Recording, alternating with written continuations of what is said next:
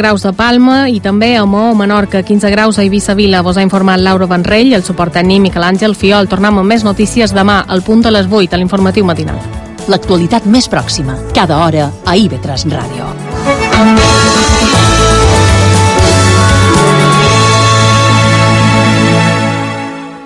IB3 Ràdio.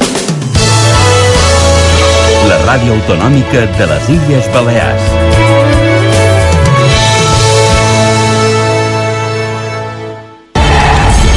Historia es una mentira alimentada con veneno por gente que oculta la verdad. Adquiriréis conocimientos que cambiarán el orden establecido de las cosas.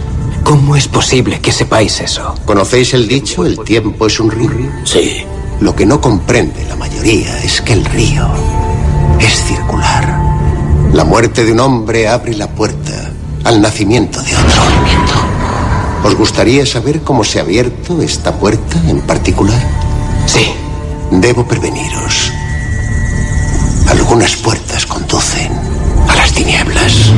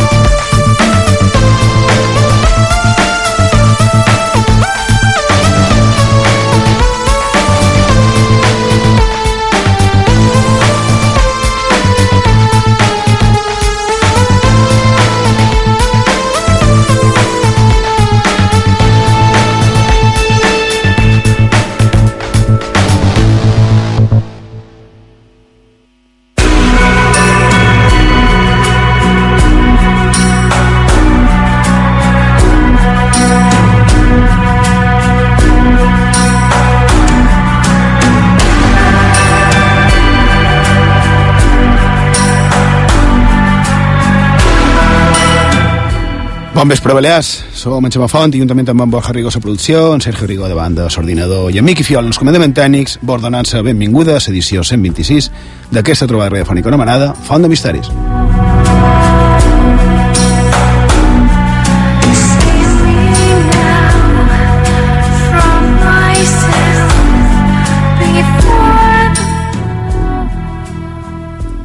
La veritat és que el pla inicial d'avui era, i ho segueix sent, fer un programa dedicat a, a les portes, a les entrades a l'infern. I ja ho teníem pensat eh, abans i no s'ha fet en cap tipus d'intencionalitat motivada per els, una altra vegada, els terribles atentats que han assolat el centre d'Europa. En aquesta ocasió, Bèlgica, Brussel·les, ja ho sabem. I ja sabem també que ja és un mal endèmic de, de la humanitat. I més quan es tracta d'una sin raó. Encara que hi hagi qui ho vulgui justificar. El Manco Parià no té cap justificació. I en el final és que qualcuns que tenen cert poder d'influència en la finalitat del seu benefici propi s'aprofiten d'un parell de, de desgraciadets per, per dur a terme accions absurdes. Una sin raó, anar contra natura. No crec que hi hagi cap espècie animal que mati en els seus propis congèneres i més sense motiu, indiscriminadament, i a més generant odi. I si els autors ho fan per manament diví, crec que les antigues escriptures deia que havien de multiplicar-se, que havien de multiplicar-mos, no eliminar-mos. No? I ara no pot ser d'altra manera, ara ens recordam perquè el cas han estat víctimes en els darrers atentats ha estat a Centre Europa. Però permeteu-me citar també algun dels altres atacs semblants que ha hagut a la resta del món i que gairebé ningú s'ha fet massa ressò, però també han estat víctimes innocents d'aquesta sin raó que es voler dominar en els altres mitjans la por, mitjans el terror. I tots han estat succeïts els darrers 15 dies. Ahir divendres, 40 morts i més de 100 ferits a Alejandria. Ahir, també, a Yemen, 26 morts, ni se sap el nombre de ferits. De 9 de març, a Estambul, 5 morts, 36 ferits. 16 de març, més de 20 morts i més de 32 ferits a Nigèria, una mesquita. 13 de març, encara, 37, 37 morts i 125 ferits. També 13 de març, Costa de Marfil, un atac terrorista un hotel. No hi ha massa dades, com a mínim 5 morts. Bé, poca cosa més que dir, no? No sé quina solució té aquest mal tan arrelat, però mentrestant haurem de tractar de viure, de conviure amb aquesta lacra sense sentit, sabent, però, que no som immunes. Simplement dir que esper que els déus no deixin que ningú més parli molt manco tu i en el seu nom i cadascú visqui la seva religió internament, perquè, clar, si el teu Déu t'ha de menester tu per fer la seva voluntat, bé, no sé si m'explic, però vaja, quines deïtats serien, no? I de, què tal si feim un programa de ràdio? Això sí, no oblidem que tots som o podem ser víctimes, així que la nostra solidaritat en tots els que han patit mai aquesta lacra, aquesta violència.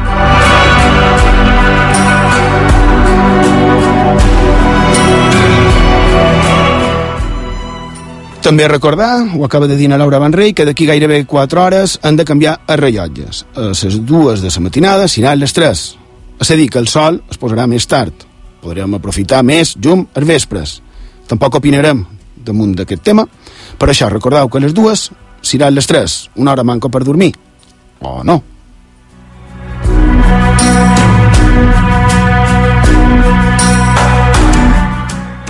Així que anem endavant amb el programa 126 de Font de Misteris. Bon vespre, Borja Rigo, salutacions des de l'estudi 1 d'IV3 Ràdio. On ets? Bon vespre, i molt trop a l'infern.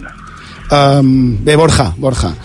No, no crec que hi hagi molta de gent que quan sapi on ets exactament estigui d'acord amb tu. Hauries de puntualitzar perquè la meva discrepància és en principi total i absoluta. Jo penso que estàs més a un paradís més que a un infern. Puntualitza, on ets? Bé, eh, de m'he acompanyat en Francina Gelabert. Eh, no estem a l'infern, estem arribant eh, a un lloc que podria estar com a considerat, ara passa qualque cosa, perquè ara estem arribant a un puesto que està considerat com a una porta, com una entrada a l'infern. Això ja sí que, que pot ser. Ara veurem on ets i que has anat a cercar. Um, de totes maneres, des de l'estudi ja t'he dit que hi ha una miqueta d'enveja, de, però, però ja està bé, ja està bé, ja en parlarem. Bé, allà, allà on ha passat el fred, i aquí em fa... No, tampoc no fa tant. Quin, 15 graus. Acaben de dir que... Sí, però no són bones, eh? però que, que em fan primer. Bé, crec que ha dit... Miqui, que ha dit 15 graus, se m'ho ha dit. Sí, no? Val, sí. Tu no ets exactament allà. Sergio, bon vespre, com estàs? Bon vespre, Xema. Molt Tot bé? Sí, intrigat sí? per saber on està en Borja. Bé, i de, uh, podrien fer sumari i, i anem fent. Ja han dit ben clarament, que m'he enrotllat una miqueta de més, però ja han dit que hem de parlar, però fent sumari. I d'avui, en aquest programa 126 de Font de Misteris, com ens ha dit en Borja, xerrarem de suposades entrades a l'infern que són existeixen a les Balears. A la segona part del programa escoltarem una nova entrega de la secció Empremtes de la nostra història, avui dedicada al Albert Camí. I també repassarem l'actualitat de la setmana món diversos i llegirem alguns dels missatges que ens fan arribar els oients a la secció de xarxes socials. I com sempre agrair les vostres consultes, les vostres aportacions, comentaris i, i semblant. També les descàrregues que, que feis dels nostres programes, principalment a, a la plataforma ebooks, i com se pot fer tot això que he dit Sergio, com poden contactar amb nosaltres, com ens poden trobar a la xarxa, com poden comptar-nos tot allò que vulguin. I de com cada dissabte vespre, ja sabeu, tenim les formes de contacte obertes amb el programa. Ens podeu enviar tot allò que vulgueu a Facebook i Twitter cercant Font de Misteris i en plantes hashtag Font de Misteris. També ens podeu enviar les vostres preguntes i comentaris en el WhatsApp del programa 659 16 69 52 659 16 69 52 i en el correu electrònic fontdemisteris arroba ib3radio.com Finalment dir que ens podeu seguir també a Instagram cercant Font de Misteris IB3 i escoltar tots els nostres programes al servei a la carta d'IB3 Ràdio en el nostre canal d'Ivox i a fontdemisteris.com i en qualsevol dels mitjans anteriors tota aquesta llarga llista que ha dit en, en Sergio ens podeu respondre o, o bé opinar damunt d'una pregunta penseu que és possible que hagi entrades a l'infern? Portes a un infern físic? Deu existir l'infern? I si existeix, seria una cosa física o, per contrari, com diuen alguns, seria més un estat, diguem, més bé espiritual.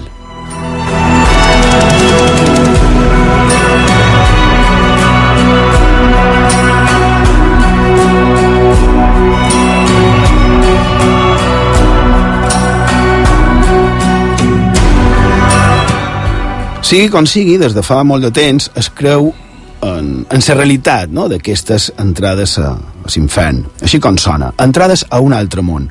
Un indret de patiment on el càstig per els nostres pecats o per allò que, que no hauríem d'haver fet es, es fa realitat no? encara que també hi ha qui pensa que l'infant seria encara millor no? que, que allò que és conegut com el cel però bé, ja sabeu que cadascú és cadasqual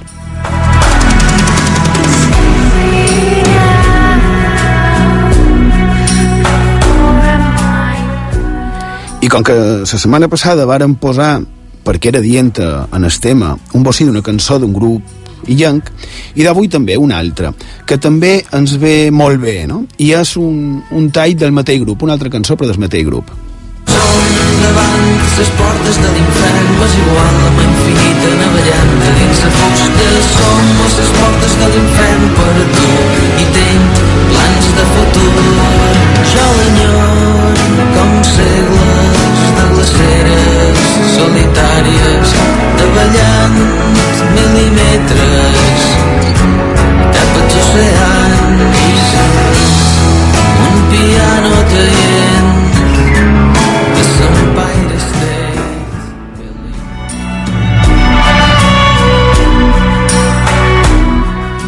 Som davant les portes de l'infern. M'és igual la mar infinita navegant a dins sa fosca. Som a les portes de l'infern per tu i tenc plans de futur. Aquest tall és del disc Lamperetes, la cançó Iceberg i Geysers, encara que nosaltres no sabem, no els hem de demanat a quin infant fan referència els, els Antonià Font, però sí que diu navegant a dins la fosca. Fosca de foscor, imagina però tal vegada podria ser, o jo m'ha convidat a pensar en una altra fosca. Ara tots aquells que fan espeleologia, torrents, muntanyisme i, i que coneixen la serra tramuntana de Silla de Mallorca, supos que ja saben a què feim referència. I efectivament, és en el torrent de Parell, s'escorca, Mallorca. Allà hi ha qui diu que, que l'etimologia seria deguda a que hi havia qui pensava que aquell torrent té aquest nom de parells, no per parell de parella, de dos, tampoc ni per paret de les que el formen, sinó per parells de paradís, en contraposició de lo dolent, de l'entrada a l'intramont, no? Millor dit, l'entrada a l'infant que es trobaria just allà, enmig del torrent, a l'entreforc, a la fosca.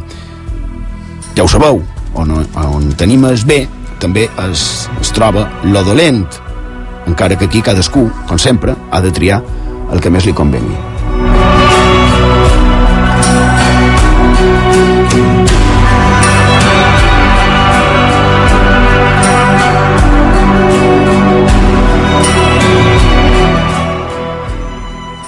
Fem una petita primera pausa i seguim aquí a Font de Misteris, a sintonia d'IV3 Ràdio.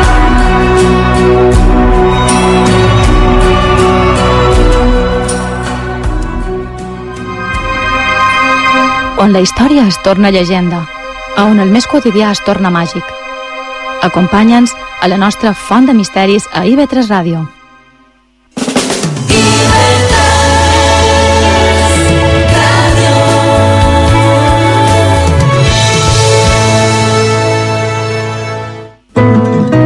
Menjar calent, un lloc on dutxar-se, són serveis que l'organització Zaqueo ofereix a persones sense sostre.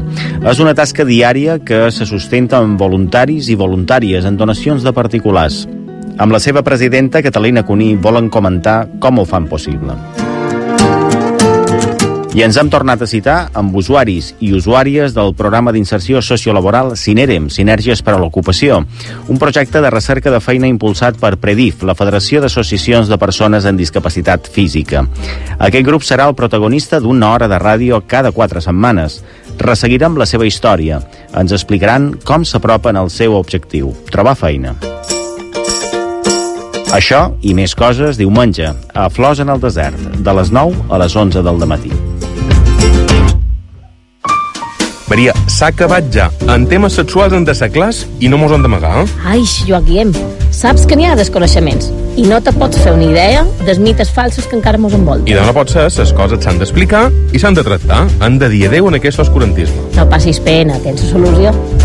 Perquè la sexualitat és una part important de la vida, la tractam de forma clara a No apaguis el llum. els dissabtes a mitjanit a IB3 Ràdio, amb Maria Ribo i Joan Guillem Jaume. IB3 Ràdio, la ràdio autonòmica de les Illes Balears.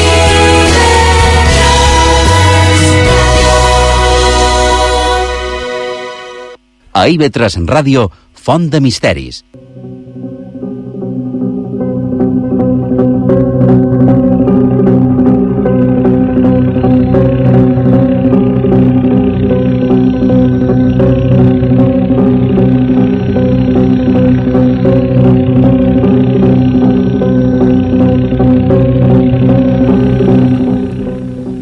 Font de Misteris, a sintonia d'IV3 Ràdio. A Eivissa i Formentera mos podeu escoltar en el 93.7 de la freqüència modulada.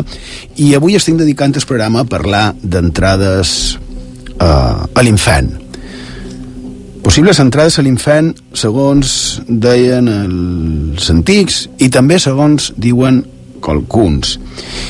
I abans d'aquesta petita pausa que hem fet, estava parlant d'Escorca, del torrent de Parells, on aquí Torrent, que es va popularitzar quan es va gravar la pel·lícula, aquella famosa de, de Simbat Esmarí, en el torrent de Parells, i parla d'allà perquè no de vegades allà mateix tenim es com allà de l'infern, també el torrent de l'infern, el clot de l'infern, tot junt, eh?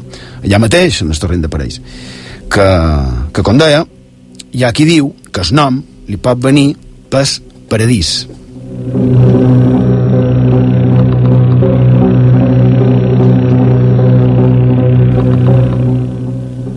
Podria ser, no?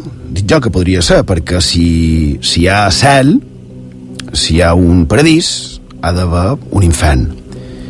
I això ja ho trobam a les coses més senzilles, més banals, fins i tot infantils, com per exemple una que podem trobar, trobar amb això. Si vols, Miqui? Jugando a rayuela al filo del abismo, cargando sus losas, vagan los tullidos. Plutón acecha, Urano espera. La certeza de lo incierto su esperanza alimenta. Hijos espurios ungidos de desdicha, ni de la muerte merecen su pronta visita. Cada paso tensa la soga que afina su alma y su cuerpo ahoga. Custodios de amargura entre lamentos avanzan, alzando su estandarte de purga y atadura. La efímera huella de mis pies en el barro, el fugaz instante de una sombra en el muro encalado y su recuerdo perecedero. El atronador rumor de la conciencia, eterna insomne golpeando en silencio y el tiempo perpetuo.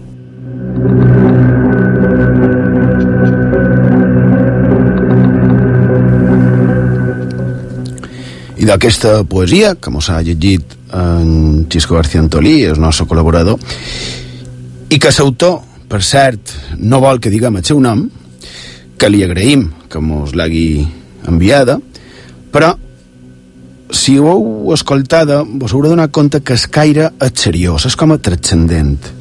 No sembla que estigui parlant només d'un joc infantil, perquè sí és cert que està dedicada en el, en el joc de la Rayuela, i fa referència precisament a aquest joc, no? És, és conegut com Rayuela, que és el nom més estès en castellà, també coneguda com a Piso, encara que el seu nom seria Xaranga, a Menorca, Xarranca, a Mallorca, i Xingo, i Eivissa, principalment, en temes de noms.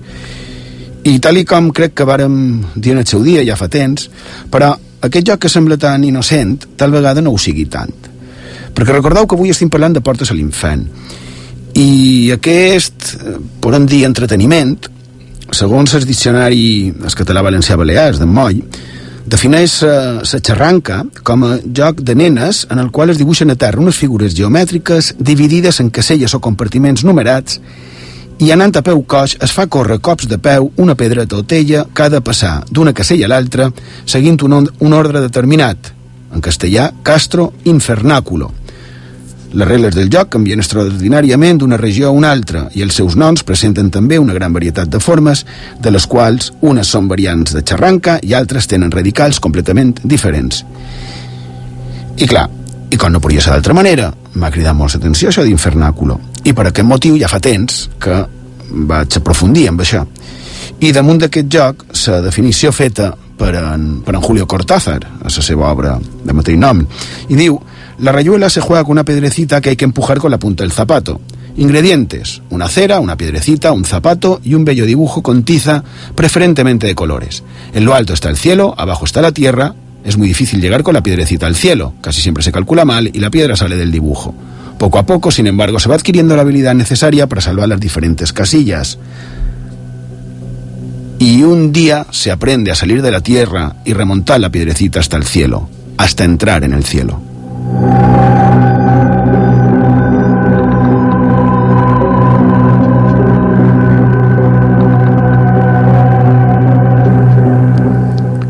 És en resum un joc de carrer, però podríem dir que crec, no? perquè ja està una mica perdut, una mica oblidat, no? És, no, no sabeu, no, Sergio Gent, pels carrers, no. jugant a, a Piso, a Rayuela... Per desgràcia, no. No, no. Clar, això és de quan se podria encara jugar en els nostres carrers sense massa preocupació. De totes maneres, informació la tenim ampliada en el llibre de recull de jugadors artesanal de les Illes Balears, d'en Joan Sans, que clar, fa un parell de setmanes el vaig estar consultant i, i, i sabia que ho trobaria ja, per això ho vaig, ho vaig cercar, no? Li dedica diverses planes a diferents versions, però nosaltres ens fixarem amb una determinada. Uh, típic joc, que com ha dit en Sergio, hores d'ara està més bé perdut que una altra cosa, perquè ja no, no es veuen pintades pels nostres carrers, no? Que això es pintava en guix, amb un bocí de guix, uns quadradets, altres figures geomètriques, juntes, i un havia de tirar una pedreta i entrar votant a peu coix agafar la pedreta i sortir sense trepitjar les línies i seguint unes, unes regles. S'anava avançant en el dibuix, que estava fet per rectànguls independents, normalment, en noms, que, si recordam aquell nom, els que no el coneixen, quins noms tenen? I doncs, limbo, purgatori, terra, cel, infern... Per què?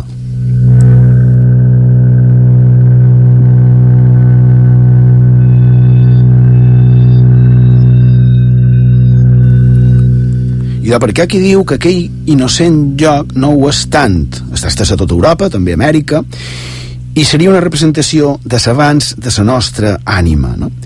que aniria passant des de la terra fins al cel, passant per punts intermitjos, com els que he dit, que, que el manco tampoc sembla que representi massa aquests indrets, no? però forma part de, del propi joc on cada casella tindria un nom determinat. No? I serien noms com els que dit terra, purgatori, llims, infern, paradís, sa glòria, el cel... I, clar, eh, amb el tema també del purgatori i tot això tindríem un joc amb, una, amb un origen religiós, tal vegada cristià. I doncs, ens hauríem d'anar més juny en el temps, abans fins i tot que els cristians, però sempre amb una significació semblant, és a dir, aconseguir un iniciat arribar al lloc sagrat, quasi res. És a dir, que la xarranca o piso seria sentit jaberint, que com sol passar, en aquest cas, l'església s'hauria adoptat com a, com a seu, no? O, o adaptat, millor dit, sent una peregrinació de s'ànima cap a, cap a la glòria, passant pels punts intermitjos, com han dit. El tema del joc aquest, innocent, es complica quan a la Índia el punt final seria un riu o es mandala, també semblances en planetes, les constel·lacions, eh? que estarien representades també molt d'ells, la tella seria la pedra que se tira damunt de, de les caselles i de representaria el sol, la seva relació. També pràctiques adivinatòries, cultes dionísics.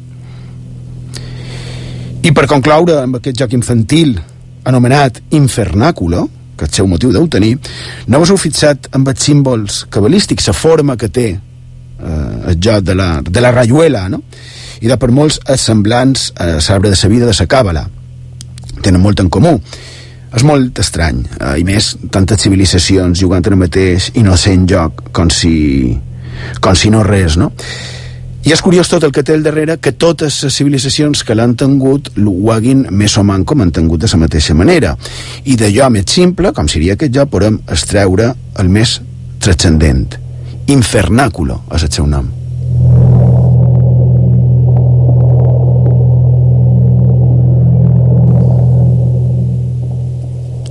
Borja Rigo?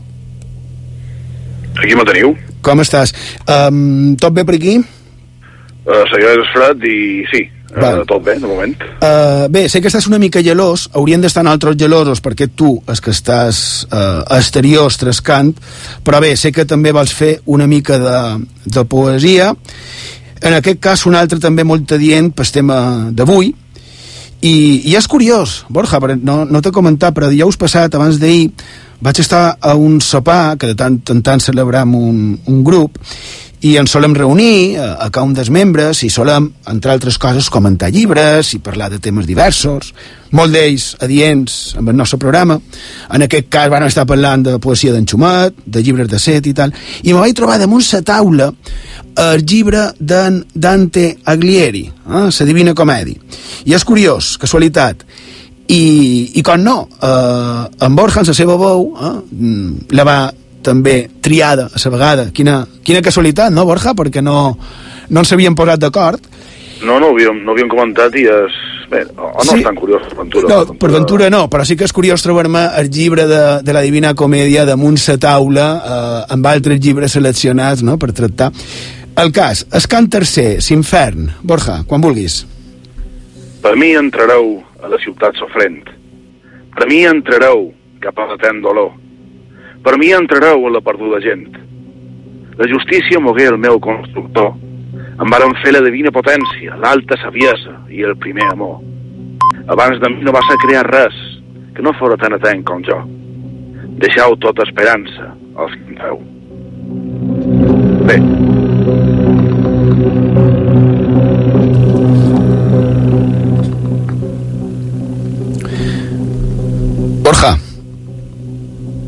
Me sentiu? Sí, te sentim. Alt i clar. bueno, no molt clar. Uh, hi ha un poc no de distorsió. La cobertura de on estàs. Però bé, digue-m'ho tu, a on estàs, on ets, què fas? I doncs ens trobam a un, a un punt, a un punt perdó, un emplaçament, diguéssim, ben, ben farcit d'enigmes i, de, i de misteris. Estem apropet, no podem estar més a prop, per si, sí, estem apropet de, de ves un parell centenar de metres de les runes del poblat paleòtic de Torralba d'en Salart, de més dos quilòmetres i mig de, de Leó, a Menorca.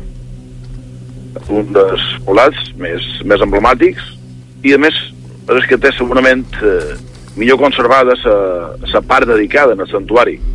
Un santuari que, per cert, està datat, si no vaig errat, aproximadament de l'any 1000 abans de Crist. En el, el centre tenim la més que imponent, taula de, de Torralba, que, com no podia ser d'altra manera, la tradició mort diu que era on es, on els gegants dinaven. És, és bastant curiós. Sí, Borja, um, anem, anem més, més directes perquè mos acaben de dir no sé quin per Facebook, crec que ha estat. Sí. no, no sé si ha estat missatge privat o no. Diguen, però no estàu parlant de les portes de l'infern. Ja, ja eh, eh, eh, sí, perquè he parlat més de l'infernàcul de, de lo que volia parlar, o sigui, que digues, digues. Bé, jo volia xerrar concretament de, de Torralba, el manco no només no només això, però clar si els gegants menjaven a la taula i de, a qualque puesto haurien de, haurien de veure i de, és a prop d'on mos trobem eh, desconegut, estem a prop desconegut eh, com a pou de Napaterrà. Aquí eren els gegants, suposadament, se llevarien cessat. I, per cert, sabeu qui va ser el primer a cercar vinculació entre taules i gegants? Me faig una idea, m'imagino que sí, no? Clar, com no podria ser, en plant una de les frases teves d'altra manera, i de en Joan Minimelis, famós historiador i doctor Monacorí, va viure a cavall entre els segles XVI i XVII, i dels quals ja en serà qualque vegada. Però això té molt a veure amb el tema d'avui, com de fa un moment. És una suposada porta a l'infern. I de, com no podria ser d'altra manera, tenim una altra possible porta a l'infern, a part de, que, de la que ja han dit a, a Centreforc, a la, a la Fosca, i d'una altra porta a l'infern a les nostres illes, en aquest cas directament a Menorca, a un punt de Menorca que, que ja més, ja fa temps que s'ha estudiat, no se sap ben bé quina funció tenia. Per això, que no parlem de taules, parlam de eh, suposades entrades eh, s'hi fan. Què veus en els teus voltants, Borja? De, molt de foscor, molt de fred.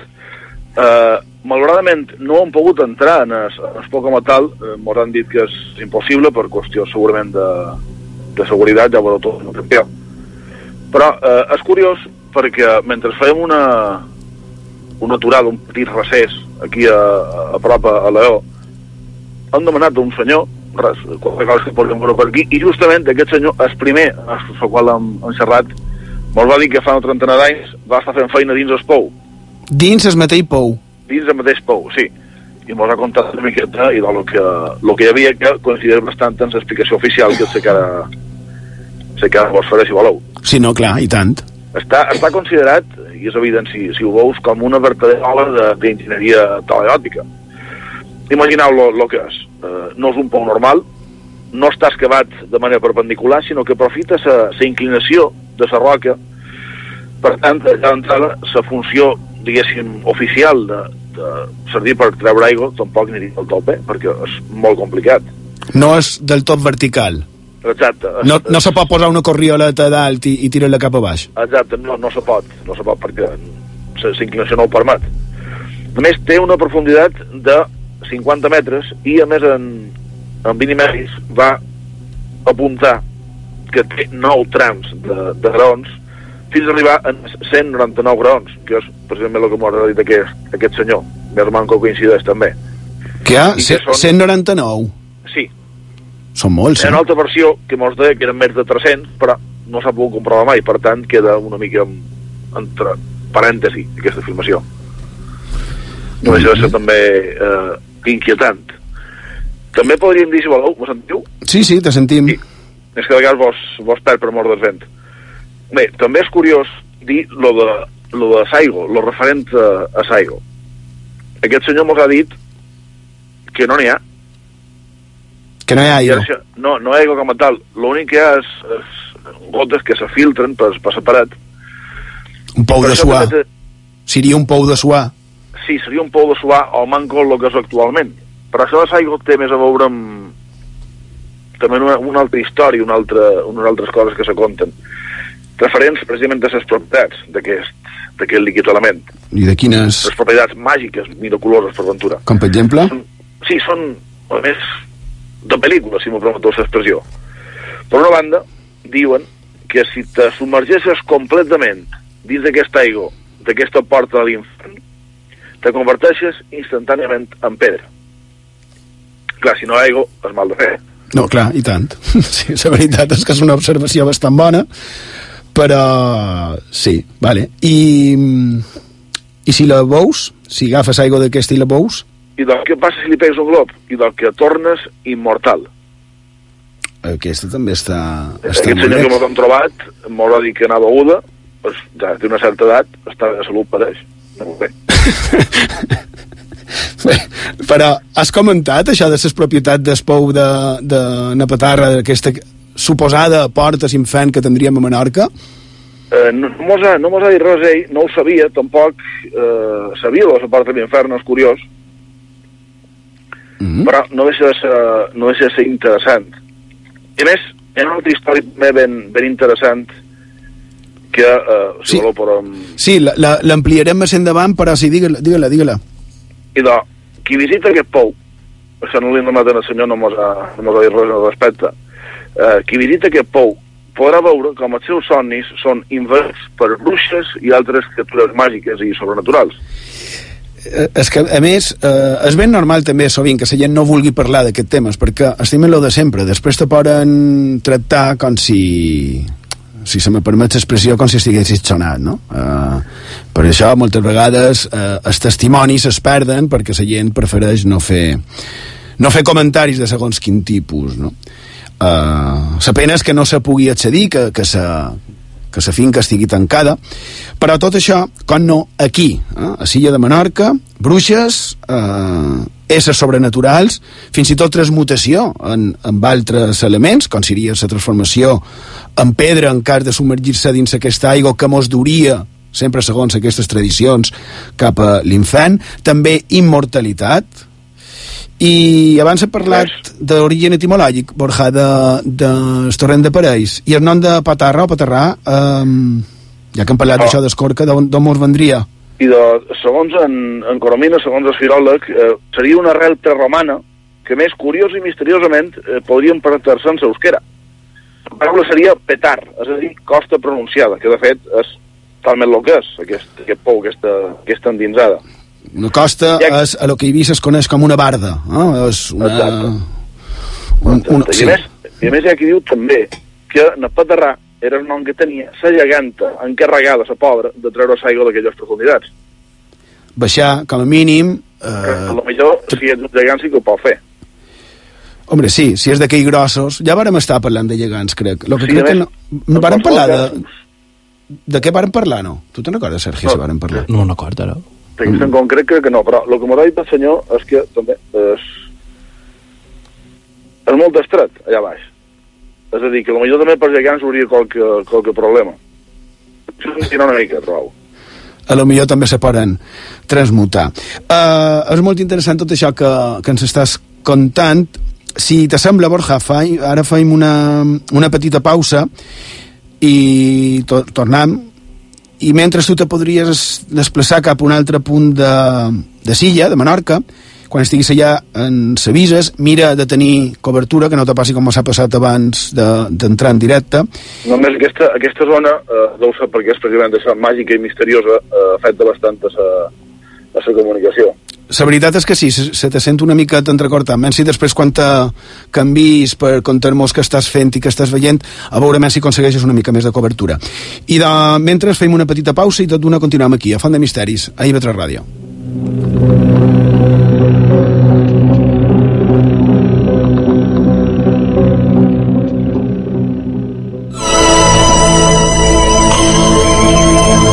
Pels grecs batiades i a Baal consagrades, gimnàsies i pitiuses, terres encisades. De misteris i llegendes, set seves fonts brollen ufanes. Fonts de camps i de rondalles, custòdies d'una herència d'altra història mai contada. I qui sap si vertadera. A IB3 Ràdio, Font de Misteris, amb Xema Font. IB3 Ràdio, la ràdio autonòmica de les Illes Balears. Els capvespres d'IV3 Ràdio són per passar una bona estona i oblidar els problemes quotidians, per rebre l'assessorament de professionals qualificats, per escoltar entrevistes ben interessants. De dilluns a divendres a les 4, això és IB3. IB3 Ràdio. La sents? Tots els vespres, IB3 Ràdio et convida a fer un viatge per la societat de Menorca i de les Illes amb Nura. Som en Carles Marquès i et convida a entrar cada vespre a Nura. Nura, el nou espai conduït per Carles Marquès i Lola Maikes. Cada dia, de dilluns a divendres, a les 9.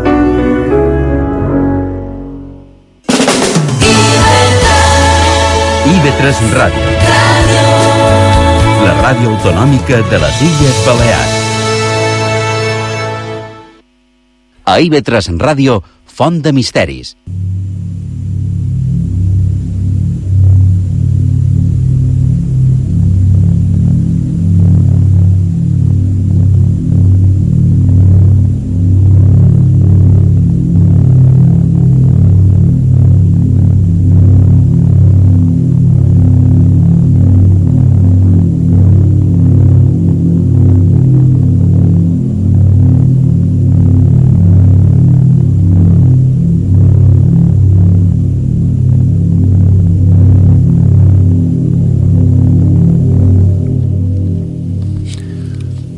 Seguim a Font de Misteris, a la sintonia d'IV3 Ràdio. A Menorca mos podeu escoltar en el 88.6 de la freqüència modulada.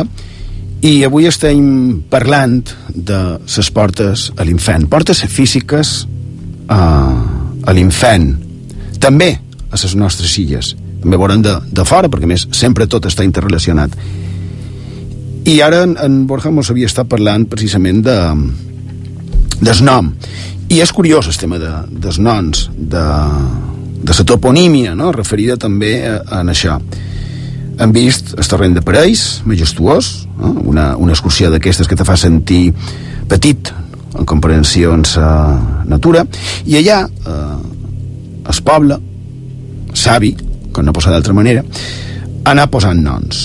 Noms en qualque significació, en qualque sentit, i per qualque motiu, no? Això sempre s'ha repetit i allà i, i a la resta de, de les illes, no? Quant de punts no hi ha les nostres illes que tenen dins el seu nom la, la paraula infern?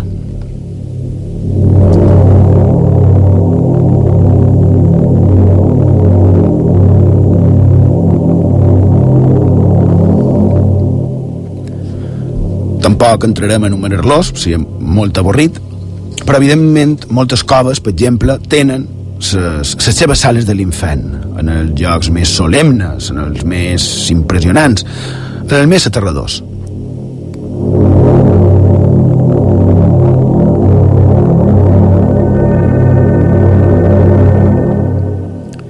I és que les cavitats solen tenir moltes relacions, les suposades portes a l'infern. I a Mallorca hi ha, hi ha una, les cavitats, es poden a Patarra, per exemple, no? i de Mallorca hi ha una, una molt, molt coneguda, crec, estesa, i digna també una mica de comentar-la.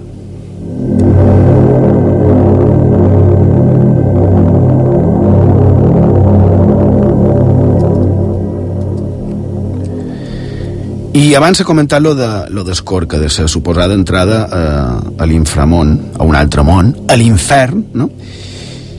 Que aquí diu que podria ser Centreforc, la fosca, a Torrent de Pareix. I de damunt d'Escorca, segons el diccionari català-valencià balear, on, les, on ha cercat la paraula escorca per conèixer la seva etimologia, és a dir, d'on surt la paraula escorca. I de, ens diu que no se sap. Però en qualsevol cas, me crida l'atenció la semblança amb un altre indret molt, molt, molt conegut i certament relacionat amb el que estem parlant. Me refereix a l'Escorial, Sant Llorenç de l'Escorial, a Madrid.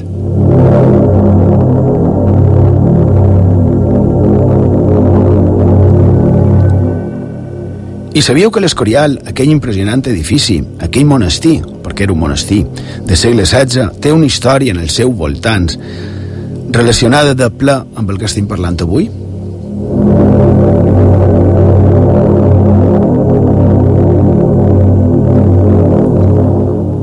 Resulta que el rei Felip II va manar a fer. Et suposa que va ser per commemorar la victòria a la batalla de Sant Quintín i també com a monument funerari. Però per què precisament allà?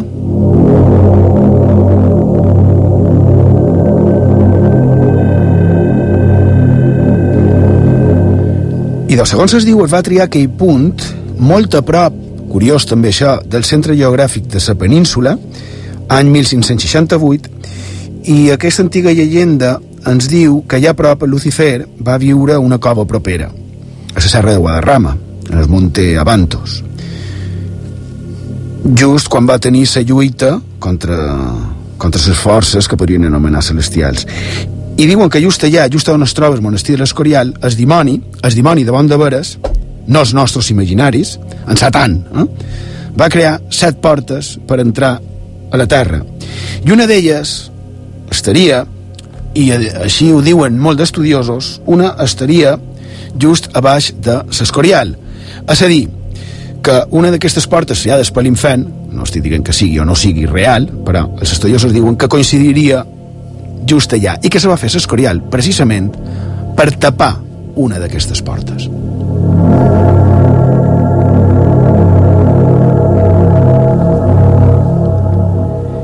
Un altre dia aprofundirem amb, eh, amb el tema que hi ha al darrere d'això, no? Però jo ho deia per la semblança del nom, Escorial, majestuós monestir a prop d'una entrada a l'infern. Tant és així que Felip II va voler fer allà el seu impressionant edifici. Després hauríem de parlar de les supervivències allà i de tot el que rodeja, perquè realment és brutal. Però aquí a les nostres illes, a Escorca, hm? un altre monestir de referència, impressionant, majestuós, Lluc. I just allà de vora, just allà a prop, també tenim una part misteriosa i que, segons certes llegendes, ens parlaria d'una entrada a l'infern. Així on s'ho descriu en, Costa Llobera, en el seu magnífic llibres, en el seu llibre, precisament, Tradicions i Fantasies.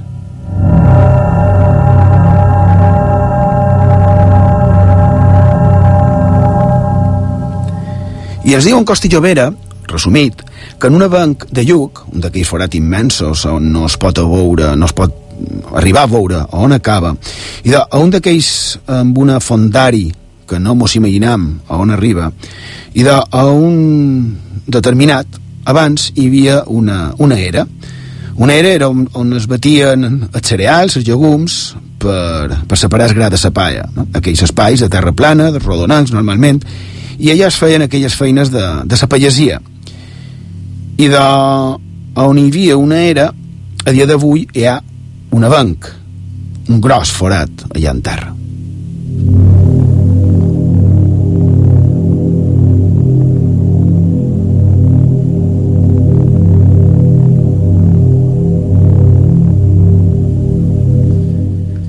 I quina és l'història que hi ha al darrere? Quin motiu va haver per desaparèixer aquella era?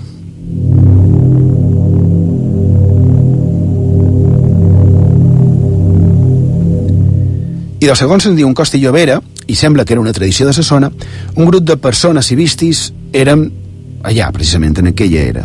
I estaven fent la feina a la vegada que feien eh, festa, bauxa i flestomaven. Quan de sobte, pel camí vell de Lluc, es sent una campaneta. Una campaneta que feia sonar un escolanet. Perquè estava anunciant una, una mena de processó amb el sagrament, amb la comunió. Però, quan es va atracar eh, en aquella era, eh, en lloc de fer havia, el que havien de fer, que era aturar-se de fer ses feines i saludar amb una veneració i respecte en aquella sagrada forma, i dono, el que va passar va ser que i el riure i flastomar no es detenia. Davant a l'avalot s'aturà el sacerdot. Horror, com un gran clot, allà s'obria. Aquesta banc obrí sa boca i engolí dins la negró sens fi l'era perduda. La gent i el bestiar s'hi varen estimbar. És a dir, que en aquell moment es va obrir un forat a terra, cap a l'infern, on, si haurien de fer cas a, a la tradició, encara romanen allà, batint el blat per tota l'eternitat. Però ara, clar, sense riure ni flastomar, perquè més diu mai més des de llavors pararen aquell morts. El blat humit de plors baten encara, per sempre així batran, fins aquell dia gran, en què els morts sortiran a la llum clara.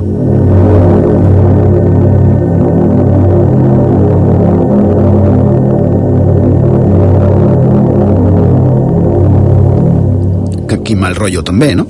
Però, és a dir, que si de Mallorca tindríem aquell forat com a possible punt d'entrada a l'infern que troc que hi ha molta semblança, com deien l'Escorial, fins i tot amb es, amb es nom, Escorca Escorial.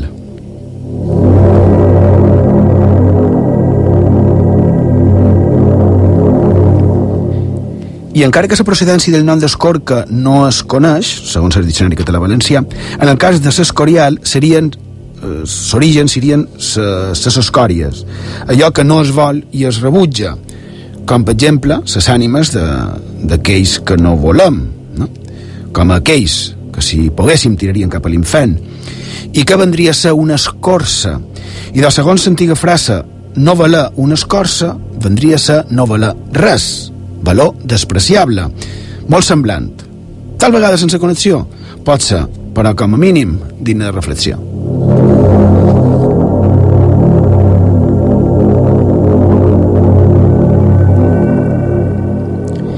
I ja hi som en dites i frases fetes, eh, n'hi ha una que era aquí fonc cera d'escorca, una frase antiga que s'emprava per dir, per referir-se a, a qualque construcció o qualque edificació que s'ha enrunat, que ja no existeix, que ha desaparegut.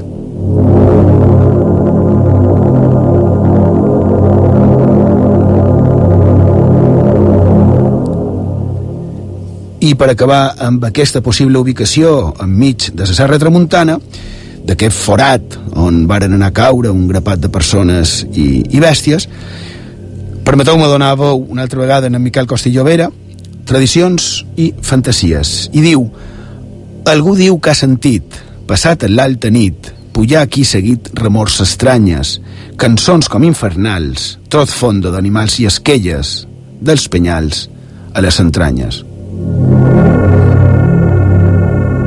A IB3 Ràdio, Font de Misteris.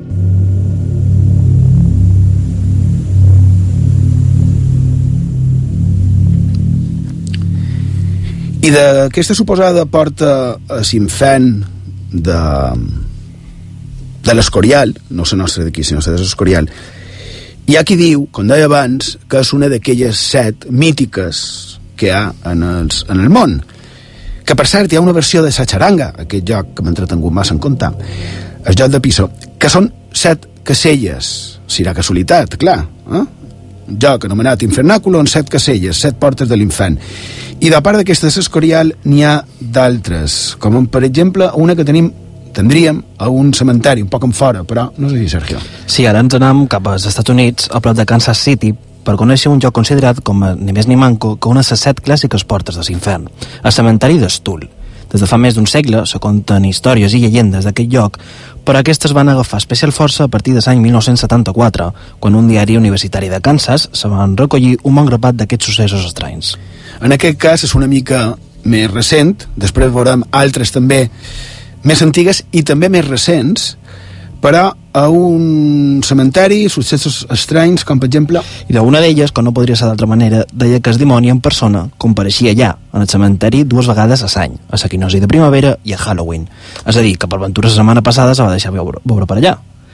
Una altra història mos diu que un arbre proper varen penjar dones acusades de ser bruixes i que dins d'aquell cementeri està enterrat un fill del propi príncep de les tenebres. Bé, si la setmana passada o no se va aparèixer eh, el dimoni o una altra setmana a Kansas, no crec que ho sabrem.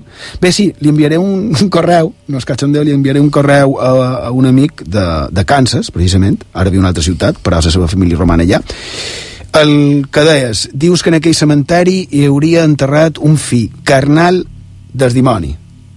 No? Com seria això? I de l'explicació més lògica, i la que se sol donar, és que aquest suposat fill del dimoni no seria més que un pobre lot que va néixer en terribles deformitats i va morir en els pocs dies, per n'hi ha més. També se conten històries de mans invisibles que agafen a qui passa per allà, d'aparicions espectrals i fins i tot de pèrdues d'orientació. I clar, la pregunta seria, d'on surt tot aquest grapat de contarelles? I doncs anem cap a l'any 1950. Segons pareix, en aquells dies, un loco va matar a guinevetades en el capellà del poble, el crim se va cometre dins un graner, on després se va construir una iglesia que va ser destruïda per un incendi. Tot això dins el que avui en dia seria el cementeri d'Estull. A Kansas. A Kansas. I en el final això el que ens ve a dir és que en una cosa o en una altra en, ens agrada creure, no? Hi ha molta gent que té també la necessitat de creure. Després diria en, en què se creu, clar però aquest no és el nostre debat. El tema són les possibles portes a Sinfen, on trobam moltes curiositats.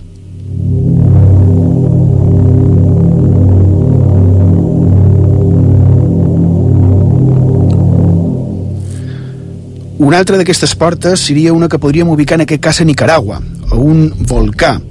Perquè, clar, eh, en viques forats, com, com es pou, com eh, sa fosca, com eh, cera d'escorca, i de, els forats eh, també per als volcans i més els actius són considerades també portes directes cap a l'infern.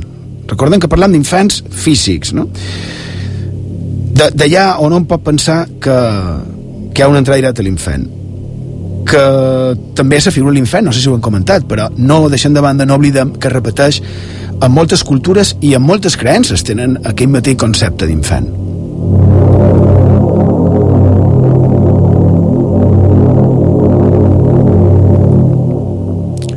Una d'aquestes portes seria Propet, a Sicília, a Senna, i una altra seria el volcà de, de Masaya, a Nicaragua. L'altre dia vàrem estar parlant d'en Rubén Darío, i de, a Nicaragua, i me sorprèn el nom. Masaya, que, que sembla una derivació de Masallà, en castellà. I la història ens diu que els conqueridors, els missioners, els, els capellans i semblants, quan, quan hi varen anar, segle XVI, es trobaren en aquell volcà, hi havia una bassa de lava baix, volcà actiu, i pensaven que era una entrada a l'infern. Era més o manco curiós també quan s'estava fent l'escorial. I fins i tot eh, un d'ells, sí que un dels... Era un missioner que amb un sistema de politges va baixar perquè se pensava que aquella lava era oh,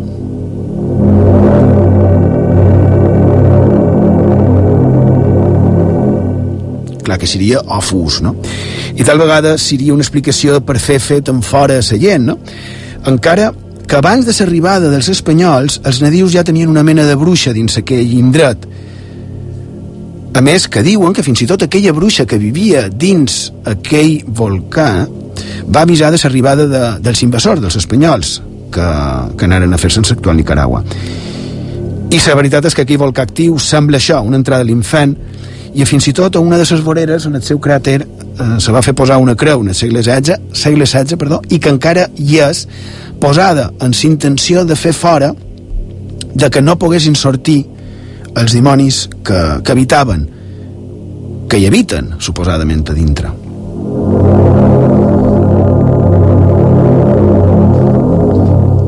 Una altra d'aquestes set portes estaria a Jerusalem, una altra l'actual Turquia.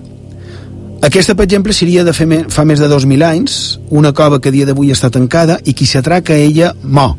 Cau rodó. Eh? Uh, en el temple d'Apolo, Plutònium, la porta de Pamukkale, a Hieràpolis, que per cert és patrimoni de la humanitat.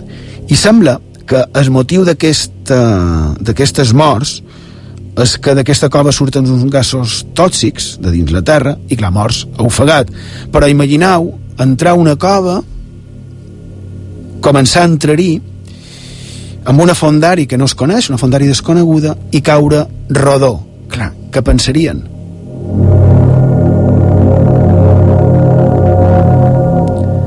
Una altra porta seria en el Japó, Sore, una altra Islàndia, en el volcà Hella, on es diu que està tancat el propi Judas. I també diuen que es produeixen el més importants aquelarres. I la més recent de totes, la, la darrera que, que s'ha afegit en aquest llistat, que val la pena veure-la, és a Tur Turquem Turkmenistan, ara me sortia, es pou de Darbaza. Val la pena cercar-la a la xarxa, 70 metres de, de cràter, d'on surt foc des de fa 45 anys. I resulta que els soviètics cercaven combustibles pel desert i, i fent proves van enfonsar uns terrenys i se va fer un immens forat i es donaren compte que sortia un gas i per tal d'evitar les emissions tòxiques qualcú se li va ocórrer encendreró, que li foc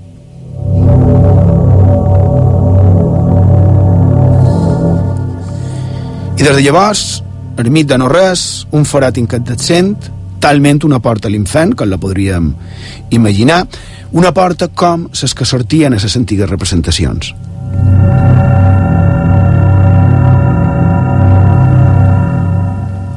Una altra, Irlanda, Purgatori Sant Patrici, ara que fa poc va ser Sant Patrici, i de el sant allà, davant d'una cova, veia, deia que veia els turments del purgatori. Aquesta cova va ser clausurada en el segle XVII i els turments que ell deia veure són els mateixos, si vos agrada, que semblants, en els que podrien trobar, per exemple, en els quadres que teniu en el vostre abast en el Museu Diocesà de Mallorca, per exemple.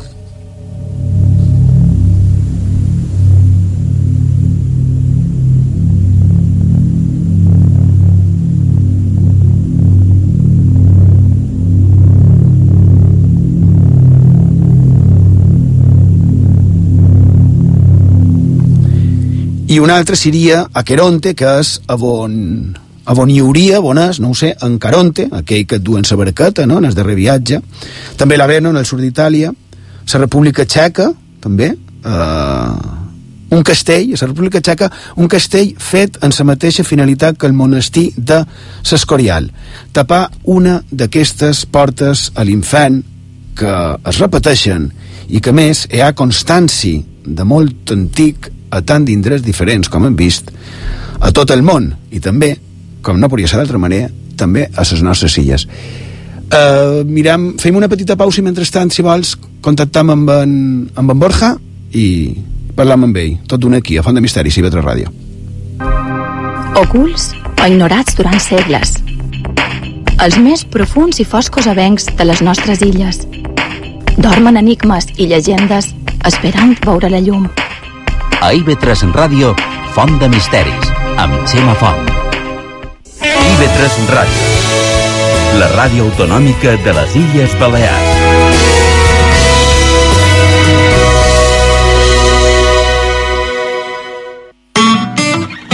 La música se sent, es comenta, es compara, es punxa, es digitalitza, es balla, es veu, se segueix, s'odia, se silencia, se socialitza, es comparteix, s'estima, recorda, s'oblida, es descobreix, s'investiga, s'estudia, s'escriu, s'esborra, s'enregistra, es toca, s'interpreta... I tu, escoltes música? A IB3 Ràdio cada cap de setmana volem que escoltis bones cançons de tots els estils, èpoques i condicions, perquè la resta ja és cosa teva. IB3 Música. Dissabte i diumenge cap vespre amb Tito Fuster. IB3 Ràdio. La sents? A IB3 Ràdio volem més informació. A les 7 comença la jornada amb l'informatiu matí, dues hores per conèixer les claus del dia. A les dues, a l'informatiu migdia, sabem què passa i fem una previsió del cap vespre. A les 7, analitzam la jornada i esbossam el panorama informatiu de l'endemà. I perquè l'actualitat no descansa, els cap de setmana dues edicions, a les dues del migdia i a les 7 del cap vespre. A més, informació puntual cada dia als butlletins horaris, serveis informatius d'IV3 Ràdio, pluralitat, independència, proximitat, simplement informació.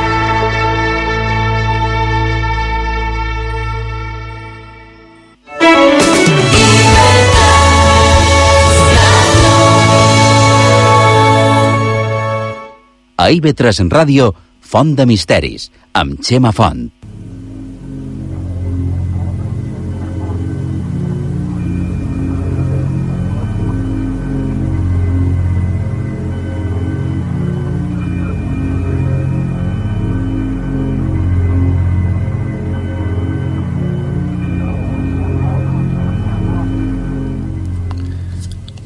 Seguim a Font de Misteris, a la sintonia de d'IV3 Ràdio. A Mallorca mos podeu escoltar en el 106.8 de la freqüència modulada i hem estat parlant de portes de l'infern, però aprofitant que tenim en en, en, en Borja eh, a Menorca i com el pou del que mos ha parlat està a prop de, de Torralba, eh, Borja, estàs allà?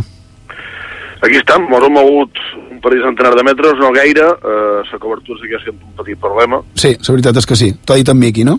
Sí, però bé, ho sobrarem. Però se sent, Miqui, se sent bé? Sí? Val. I si no, ja mos, ja mos espavilarem. Ah? Val. Val, digues.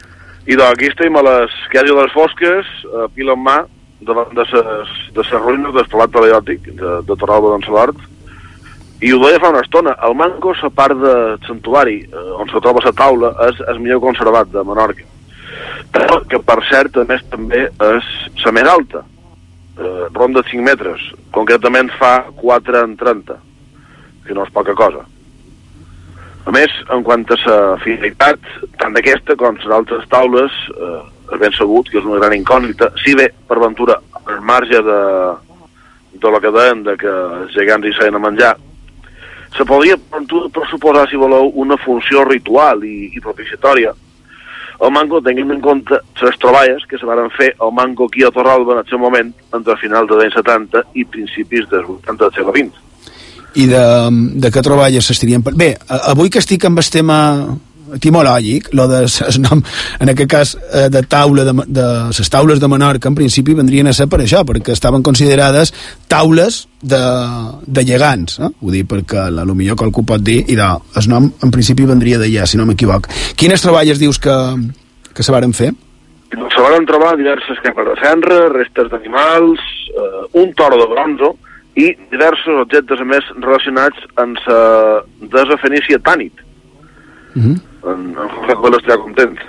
Uh, sí, que per cert, crec que dilluns surt el, número 4 de, de Tànit. Dilluns que, sí, di, dilluns que serà Sí, dilluns, dimarts, sí. perquè dilluns és, és festiu a, a Eivissa, per tant. Què més tens? I do, també és, és digne de comentar, encara que no tingui per ventura eh, a veure en principi en les portes de l'infern, que no mos tirin sobre altra vegada. No, ja va ser que- una. Sí, sí, és que la taula eh, té una orientació diferent a les altres. Aquesta apunta cap a l'est, mentre que les altres, totes, ho fan cap, a, cap a sud. I, a més, aquesta alineació li confereix una, una perfecta eh, disposició amb el sol en el moment dels equinocis. I clar, un pensa, casualitat? No. O sigui, jo te responc, no. Casualitat, no. Tampoc és casualitat que mos parlis de, de les taules. L'altre dia te vaig tornar a veure en aquell, en aquell documental que surts precisament parlant de les taules de Menorca. Sí, la aquesta setmana passada el torna a sortir. Sí, no sé si vas... És vera. Sí, uh, en el canal Història. Ja. T'agrada, eh? M'agrada. Um, Se pot seguir, a més, per internet, com no mateixen el capítol. Ah, sí? Sí, a vegades que ho repeteixen. Totes les vegades que ho repeteixen sí. i està, està repetit eh? Puh. uh, perquè també com a anècdota no sabeu el que és sortir de la ràdio anem a sopar uh, un arriba a casa tranquil·lament se seu uh, per un poquet d'esbarjo posa la tele, clar, sempre cerques coses d'aquestes i te trobes en en Borja amb el que has estat tot el dia fent feina que te surt a la tele bé, estàvem parlant de la taula de, de Torralba de, de troballes um, què deies? Parlaves de equinocis de casual, casualitat o no d'aquesta alineació Clar, és, és difícil, és molt difícil creure en, en uh, aquesta casualitat. Clar, jo em pensa, si és d'antics, si és teleòtics de fa de fa 3.000 anys, ja ho dic aquí quasi com en, com en Napoleó abans les piràmides, no? Uh, Bé, si sí. tenien aquest, aquest saber, aquest coneixement, i eren capaços d'aixecar aquestes construccions oficialment impossibles, uh, quines? El seu, el seu llegant, no? On són les altres restes dels seus coneixements molt més del que pensem habitualment? Hombre, la veritat és que encara no hem fet cap programa dedicat eh, en aquesta arqueologia menorquina i crec que ja va ser ben hora, o sigui que ho hauríem, ho hauríem de fer. Um, I parlant de, de temes impossibles, ara ja més tema paranormal, més tema enigmàtic del tot, i de, i de xerrant, ara que t'havia perdut, eh, xerrant d'aquests fets eh, oficialment impossibles, i de, en, en Domingo Hernández, a la seva web de Misterios de les Baleares, donava un parell de punts sobre un cas ben misteriós, ben estrany, ben, ben desconegut, ocorregut precisament aquí, a la taula de Torrado d'on Salvart l'any 1975. No dades, pràcticament, però si voleu, eh, se pot comentar perquè qualcú que ho senti pugui portar més informació, per ventura. Sí, um, si m'ho haguessis dit podríem haver contactat amb en, amb en Domingo, si tal vegada mos està escoltant eh, en directe, Sergio, si, si mos diu alguna en Domingo ho comentam, uh, i si no quan mos escolti supos que mos ho comentarà. Uh, digues. I de, eh, extret textualment de la seva web mos diu los extraños sucesos acaecidos a un matrimonio en 1975, donde la caula dio muestras de ser un sofisticado aparato de la antigüedad. Luces, imágenes y en diversas otras ocasiones extraños sonidos. ¿Vos lo imaginau? Uh, bé, molt típic tal vegada del, dels anys 70, no? D'aquells moviments de l'època de, tan a prop de, de sufologia i bé, ara està sellat rodejat de negró rodejat de de foscor, no, Borja? Sí, es, esperem que no es reprodueixi el fenomen una altra vegada. o sí, uh, prepara la càmera per si un cas um, què més mos has de dir temes tenebrosos per, dir, per emprar una paraula Sí, ja que han comentat eh, qualque cosa sobre el príncep de les, de les tenebres, si voleu m'agradaria recordar també quin era, d'aquí som, el prototip de bruixa menorquina, ja que estem per aquí, eh, podes, clar, per convocar el dimoni, segons en, en Joan Benejam a finals del segle XIX. És un text que tret del llibre Brujas Médicos y el Santo Oficio, don José Luis Amorós, y digo así. Una bruja aparecía casi siempre bajo la forma de una vieja pobre, fea, mal vestida y que vivía sola. No sé por qué era aquello de que una viejecita de buen aspecto y de familia bien en ningún caso era tenida por bruja. Tampoco puedo comprender por qué siempre había de ser una mujer y no un hombre. ¿Por qué había brujas y no había de haber brujos? Vamos, ¿cómo se explica? Yo he conocido, nos dice, se ve barba, como se la llamaba, una pobre mujer que vendía cuerdas y que no hacía mal a nadie. Vivía en una casita medio hundida, a una callejuela de la muralla, cerca del camino de la Llor. Parece que todos los niños tienen derecho a insultarla incluso a tirarle piedras, porque decía que era bruja. Tanto la apuraron que aquella mujer de repente escupía fuego por la boca con unas palabrotas que amolaban. Pues había que taparse las orejas. Entonces sí que creían que era una bruja. Sense dubte estareu d'acord en que és un text que convida a la reflexió. malauradament sí és, és realment um, no està malament de tant, tant reflexionar també amb aquests temes uh, has d'afegir qualque cosa més Borja?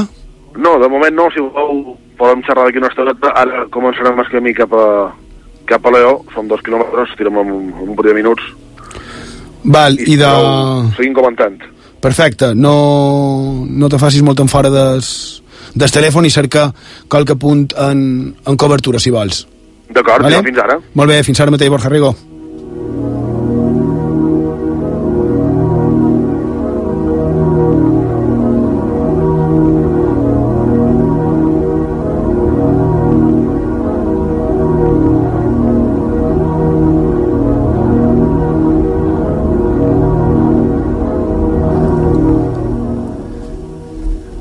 Avui hem, hem parlat de les portes a, a l'infant. No, no si nosaltres tampoc, que, que hem de dir si hi ha o no hi ha infant, però tal vegada podríem, o no, subscriure el que he trobat eh, en el llibre Rituals Càtars, pàgina de 9, i diu que els càtars negaven l'existència d'un infant atent on narraven les ànimes, ja que l'infant això segons aquest llibre Càtars, eh, de rituals càtars de, de Michel Garder, i diu, l'infant es trobava ja en la terra. Retreien a Roma que hagués inventat aquest infant imaginari i el seu purgatori amb l'objectiu d'espantar els homes i de controlar-los millor. I segueix. Els càtars insistien tot precisant que prometre eternament l'infern a les males ànimes, com feia Roma, equivalia a donar un poder formidable en el diable, comparable al de Déu, i per conseqüent a ésser, de fet, dualista. En una paraula, giraven l'acusació contra l'Església.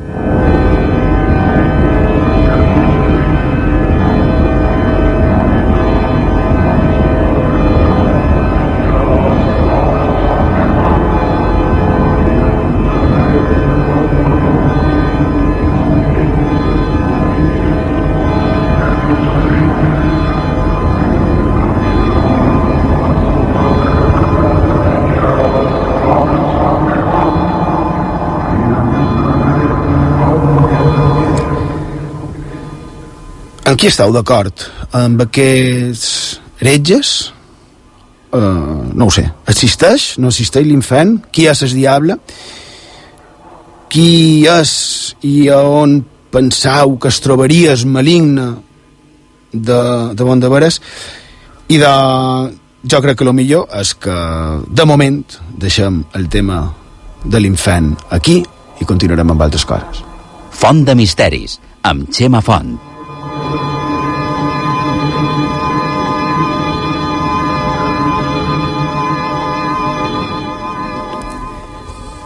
I, com sempre, gairebé tot està relacionat. I ja que ens hem anat a Menorca, ja que hem parlat de les set portes de l'infant, resulta que hi ha un llibre amb aquest títol. No l'he llegit, així que no sé si és o no recomanable, però me va cridar l'atenció l'autor, un francès anomenat David Camus, Camus, eh? net d'en Albert Camus, d'en Albert Camus, que aquí supos que l'haurien conegut com el coneixem, no? com Albert Camus. I per associació li hem volgut dedicar el que anomenam un capítol d'empremtes de la nostra història. És un petit bocinat de, de la nostra història amb una projecció internacional. Així que la nostra secció inspirada en, en los pasajes de la història de Juan Antonio Cebrián i en la ja inconfundible sintonia del músic Miquel Àngel Aguiló La Riba i d'un nou capítol d'empremtes de la nostra història.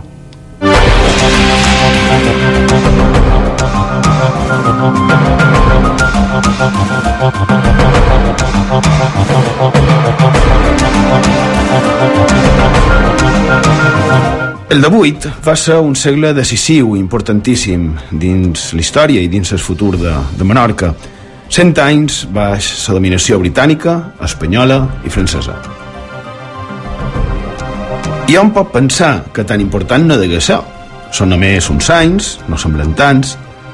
Per exemple, els francesos. Quant d'anys va estar baix el domini francès Silla de Menorca? I quina empremta deixaren? La guerra dels set anys, els francesos es fan en Silla de Menorca, 1756, però només set anys després, mitjans el Tractat de París, els britànics es tornen fent el control de l'illa. Sí, només set anys, però amb una empremta important.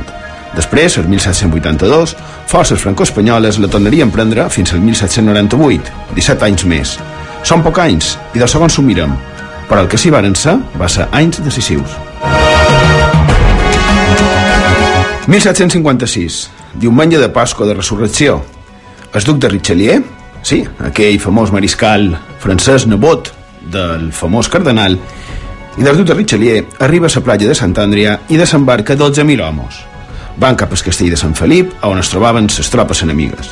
Comença el setge fins a aconseguir la rendició dels britànics, fet que succeí només dos mesos després, juny de 1757. Menorca havia caigut sota el poder francès. I una de les primeres decisions que varen prendre va ser agrupar els caserius que hi havia disseminats per la zona del sud-est de Silla i també allunyar l'arribal del castell de Sant Felip, en el propi port de Maó, així que durant només aquells set anys els francesos crearen un nou nucli urbà una mica més al sud de Maó, en el terreny de la Garriga de Benifedet, un nucli urbà amb polèmica inclosa, perquè els propietaris rurals no eren massa d'acord amb, amb el lloc triar per aixecar la nova església, i tal vegada manco pensant en els quals sotmetrien la seva advocació. Sant Lluís IX, rei de França. D'aquesta manera, es dissenyar i començar a construir i fer realitat el nucli urbà que encara avui tenim més o manco com el deixaren fet els francesos, el municipi de Sant Lluís, a Menorca.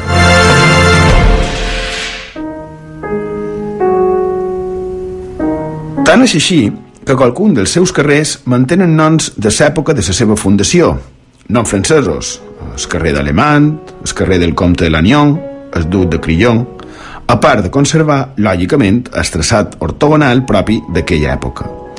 Naixia així, l'any 1762, l'actual municipi de Sant Lluís, a Menorca, en els voltants d'una església feta pels francesos i per als francesos. De fet, així ho posa dia d'avui a la seva façana i ho demostra l'escut d'armes que encara podem veure a una església baix l'advocació d'un sant que, no oblidem, va ser rei de França. Tenim així el naixement del nucli urbà de Sant Lluís, un dels indrets preferits, per exemple, pel propi arxiduc i Salvador, si han de fer cas, lògicament en els seus escrits, i abans de l'arribada de l'arxiduc, poc anys abans, una família menorquina, d'aquells de tota sa vida, que no sent massa afortunats en temes econòmics, decideixen partir, emigrar, com tantes vegades s'ha hagut de fer des de les nostres illes.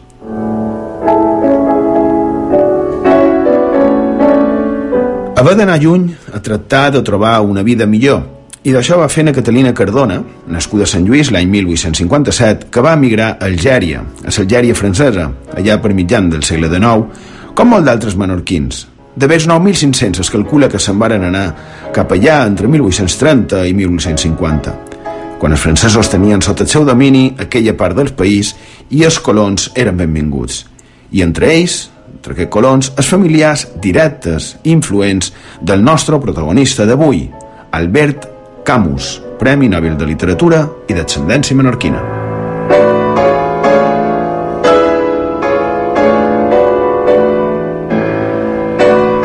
Aquella família menorquina, que va arrelar a Argèlia, aconseguí la nacionalitat francesa el 1889, així, tant na Catalina Maria Cardona, nascuda a Menorca, com també la seva filla, na Caterina Cintes Cardona, ja nascuda a Àfrica, es converteixen en ciutadanes franceses i s'estableixen definitivament a la colònia francesa d'Argèlia, on l'any 1913 naixia Albert Camus Cintes, fill de Lucien August Camus, originari d'Alsàcia, el seu pare va haver d'emigrar per causa de l'annexió d'aquesta terra alemanya i també era fill d'Anna Catalina Helena Cintes Cardona, d'origen menorquí i també emigrant, com han dit.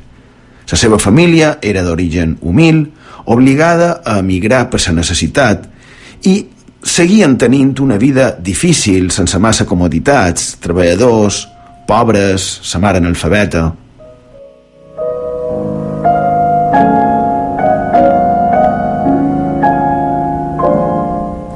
L'any següent, en el del seu naixement, 1914, esclata la Primera Guerra Mundial i son pare hi va.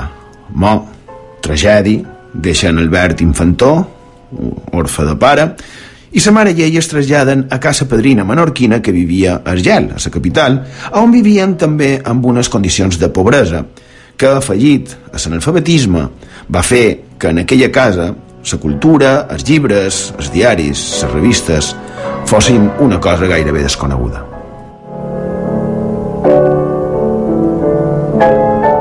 Però no va ser així massa temps, perquè com fill d'una víctima de la guerra, el govern francès li va donar una beca per facilitar-li sortir d'aquesta pobresa, i en Camus la va saber aprofitar. D'aquesta manera va poder estudiar, sortint dels carrers argelians fins a arribar al batxillerat animat per als seus professors de, de l'escola. I és que sovint a la vida a qualque professor de la nostra infantesa li devem molt. I tant era així que en Camus fins i tot va reconèixer-ho dedicant-li a un d'ells el seu Premi Nobel.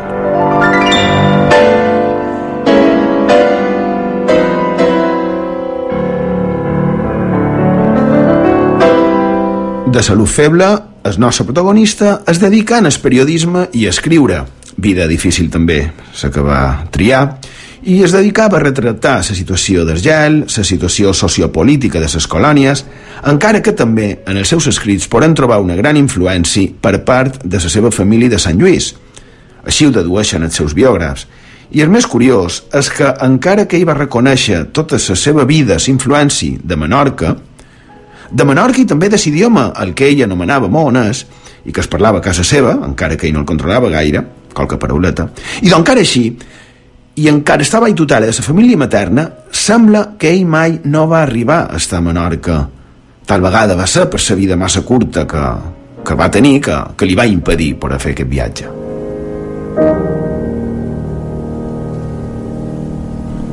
On sí va estar i va quedar molt impressionat, i per bé va ser a Mallorca i a Eivissa, a Mallorca va arribar just després de casar-se, es va casar l'any 1934, amb 21 anys, i l'any següent varen venir a les illes. Sembla que a Mallorca hi havia una institució dedicada a la desintoxicació d'addiccions i la seva jove dona sembla que tenia seriosos problemes amb les drogues.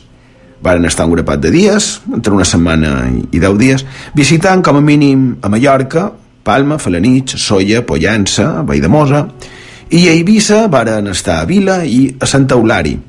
Era l'any 1935 i mancava un any pel començament de la Guerra Civil Espanyola.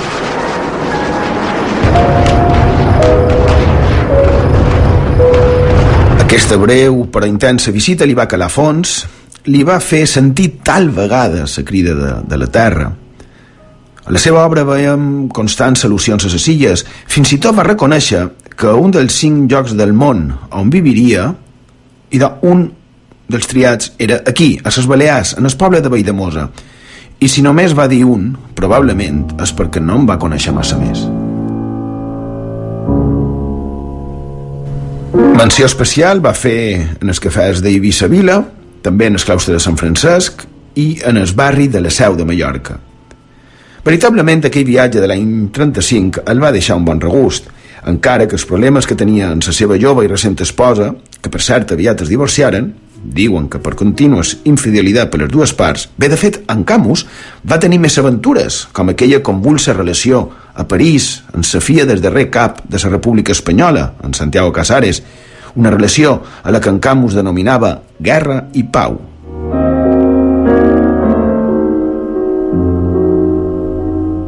Aquest escriptor tan famós, reconegut, idolatrat i influent del segle XX, no de vegades ja ho hem dit, va ser Nobel de Literatura l'any 1957, just un any després d'en Juan Ramon Jiménez, i a més també va ser filòsof, assagista, dramaturg, novel·lista, periodista i activista.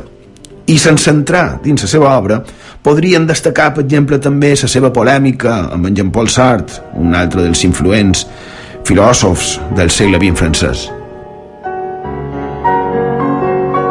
I hom es pot demanar quin motiu va fer que en Camus, si sembla que va estimar la seva família menorquina, que sentia les seves serralls mediterrànies, que es va sentir influenciat per la seva ascendència i de per quina raó no degué anar a conèixer la seva terra.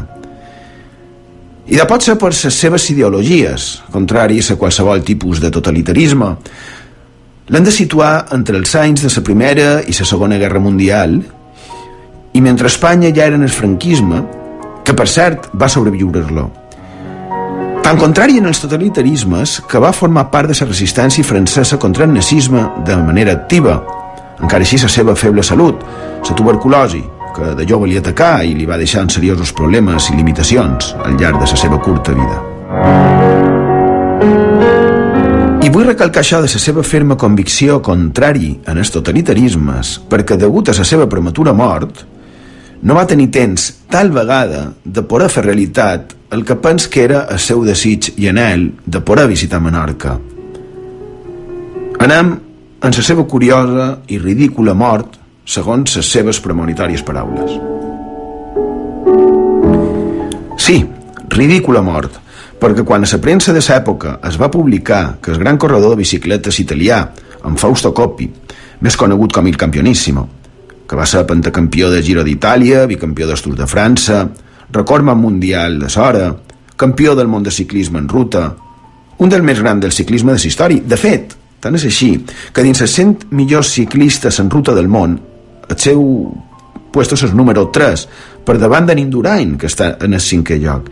I de quan va morir, competint a Salto Volta, a l'actual Burkina Faso, la premsa de l'època va dir que va morir amb accident de cotxe. I Albert Camus va comentar públicament, paraules una mica premonitòries i desafortunades, perquè digué no conec manera més beneita de morir que en un accident de cotxe.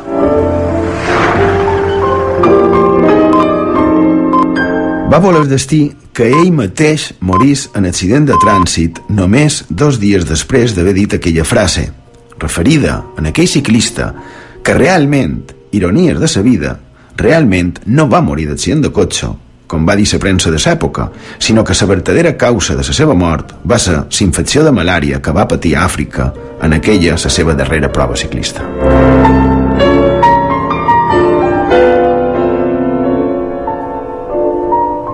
Però en Camus sí.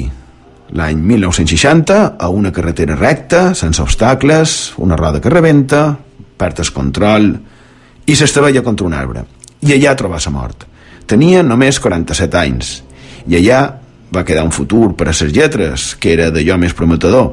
Però no només per a ses lletres, sinó que, i això sí és una opinió personal meva, si no hagués mort prematurament, les seves arrels i llanques segurament li haguessin fet tornar un pic acabat el franquisme, l'any 1975, i s'hauria retirat a la Menorca que li varen transmetre la seva predina i la seva mare, a les que tant estimava, i que parlaven, segons deia ell, maonès.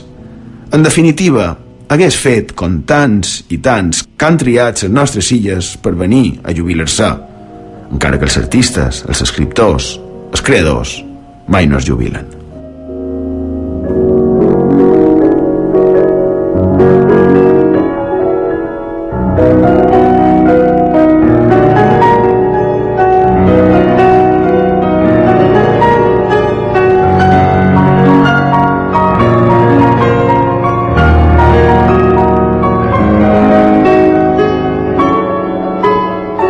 A IB3 Ràdio, Font de Misteris, amb Xema Font.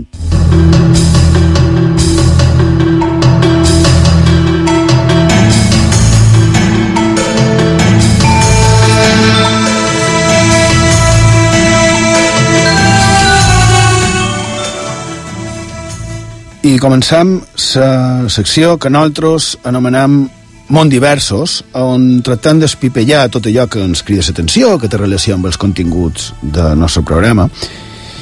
I per començar voldríem retreure-li un petit homenatge i, i un record a una de les figures més grans, el manco per nosaltres, dins el món del, del misteri, dins d'allò menys habitual, i que encara a dia d'avui és conegut per gairebé totes les generacions. Estic parlant del psiquiatre, de l'escriptor, editor, investigador, el doctor Fernández Jiménez de l'Oso, que va morir tal dia com demà de fa 11 anys, el 27 de març de l'any 2005, com passes temps. I era un home, el doctor Jiménez de l'Oso, en el que li varen captivar les nostres illes. I també, això se manco, però també és així, qualcú dels nostres personatges. I precisament aprofitant això, la seva, la seva estima per les nostres illes, per la data de commemoració del seu aniversari. I també que tenim en Borja a Menorca, volem parlar un momentet, Borja Rigo, del doctor Fernando Jiménez del Oso. Uh, me sents, Borja? Eh, sí, vos sent, i sí, fa ja uns, demà farà uns anys que es fa un desmagrant del misteri. A més, està sonant de fons la sintonia d'En Busca del Misteri, una, una crida a tots aquells oients que tenim, no? que, que vagin a, a trascar una mica sempre dels majors respectes a tot allò desconegut que encara mos, mos resta per descobrir, no? Sí, m'he fixat eh, a la llista que havies posat a sa, aquesta sintonia de, de Jiménez del Oso. Però sí, eh, animam eh, a tothom precisament a que tresqui, no? que a més és un tema que si t'agrada veritablement és apassionant. Què mos has de dir, Borja? I de volia recordar eh, aquella petita anècdota que va contar en, en Fernando en una entrevista, quan li varen demanar quin era el lloc del món que més impressió havia causat. Va dir molts, i entre altres indrets, indrets perdó, va tenir paraules per aquest petit eh, paradís, tenia raó en el principi del programa No l'infern del paradís que és, que és Menorca. En concret va dir que la nevada de Tudons, a Menorca, me resultaba tan familiar como mi propia casa. Sin embargo, una noche, al aproximarme a ella, percibí la presencia de algo indefinible y ominoso, con más fuerza que en ningún otro lugar del mundo, al punto que fui incapaz de seguir avanzando. Lo curioso, por utilizar algún adjetivo, es que Pilar, mi mujer, que iba conmigo, sintió lo mismo. Por eso te digo que no solo un sitio, han de darse otros factores para que esa experiencia que te deja huella se produzca. I de la veritat és que, que sí, la naveta del Tudons també és vera que té aquesta, aquesta màgia, aquest magnetisme, no? si se'm permet emprar aquesta paraula. Uh, Borja, crec que no mos dona temps per connectar més en tu, o, o bé, o sí, segueixes connectat i si vols entrar vas entrant no ho sé, el que tu trobis eh? això eh, dissabte qui ve estiràs aquí en, en directe en altres o... Uh, sí, estirà en format, en format físic. Val. Vull dir, no I estiràs... ara, ara deixarem, si vos pareix, a Leó anirem cap a Ciutadella, que ja guarden un parell de misteris que tenen apuntats. Així m'agrada, que vagis trescant i que després ho puguem comentar aquí. I parlant d'en Jiménez de l'Oso, d'en Fernando, eh, ell solia ser bastant sincer quan, quan parlava, ho dic per lo que has dit de la noveta de Students, quan ell parlava de les seves pròpies experiències, de les seves experiències personal. I, i tampoc mos han de sorprendre, no?, sabent que, que les illes i, i Menorca i les seves taules i les seves restes arqueològiques, com han dit abans, particularment també són punts màgics i, i captivadors. I com acabes de dir tu, Borja Rigo, realment val la pena anar-hi, val la pena trascar, val la pena aprofundir. Fem la darrera petita pausa i tot d'una continuem aquí, a Font de Misteris, a IB3 Ràdio, la ràdio autonòmica de les Illes Balears. Pels grecs batiades i a Baal consagrades, gimnàsies i pitiuses, terres encisades. De misteris i llegendes, set seves fonts brollen ufanes. Fonts de camps i de rondalles, custòdies d'una herència d'altra història mai contada. I qui sap si vertadera. A IB3 Ràdio, Font de Misteris, amb Xema Font.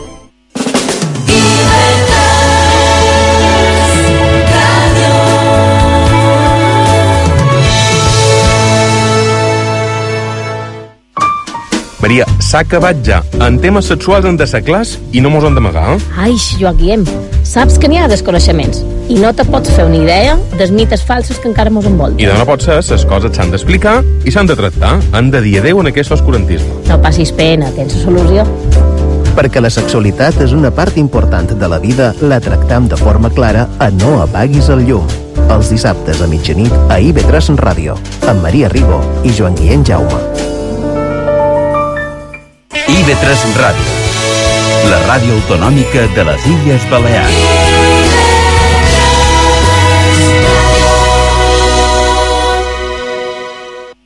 A IB3 Ràdio, Font de Misteris.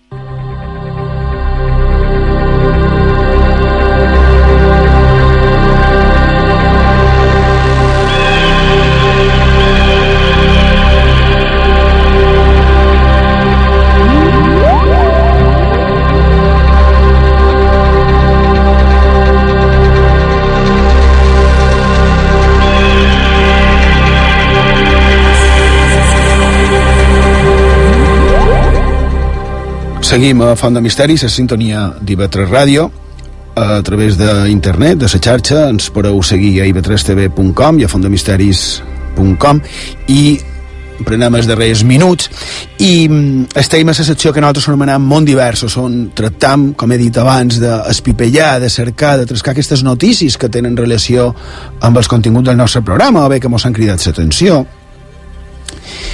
i és curiós també aquesta mateixa setmana hagi sortit a premsa aquesta notícia, no, Sergio? Sí, ja ho pot dir. El titular que han llegit a RT diu que unes manchas extrañas captadas en Ceres podrían ser portales al interior del planeta.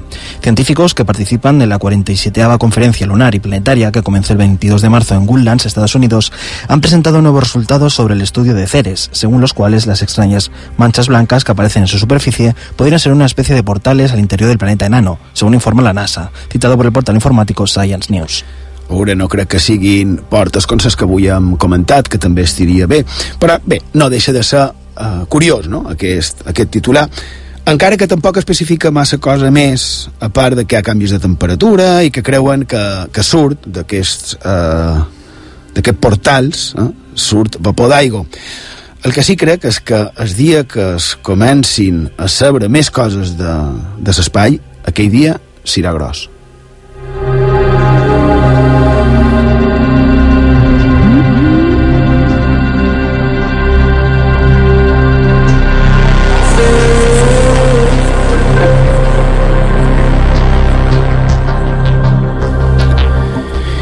I aquesta també, curiosa, aquesta és una, una troballa, una troballa d'un fòssil eh, on no, no mos imaginaríem que es pogués trobar un fòssil.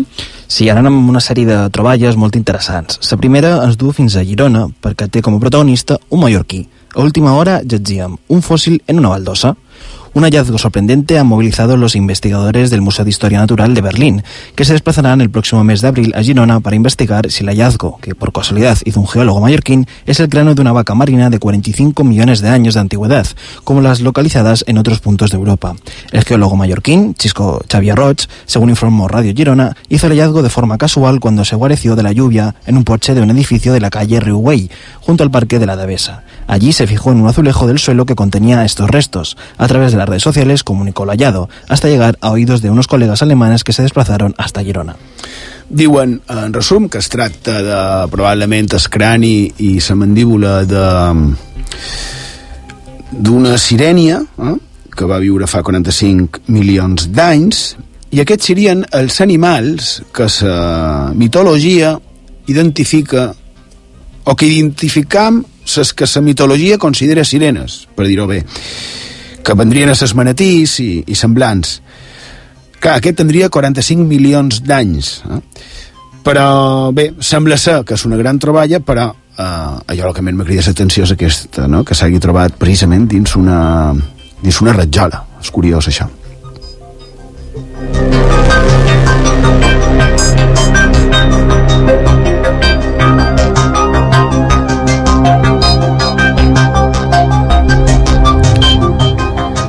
Ara anem amb una altra, una altra troballa més propera i, i que no és probablement no es repeteix més, no hi ha més sovint notícies com aquestes, molt probablement per, per manca de mitjans però també és molt important, ¿no, Sergio? Sí, perquè a última hora també he llegit que el Museo de Mallorca se asienta sobre los restos de un palacio urbano islámico. El Museo de Mallorca alberga en su subsuelo los restos de un casal señorial o palacio urbano islámico que perteneció a un personaje notable y que fue construido entre el último cuarto del siglo X y el primero del XI.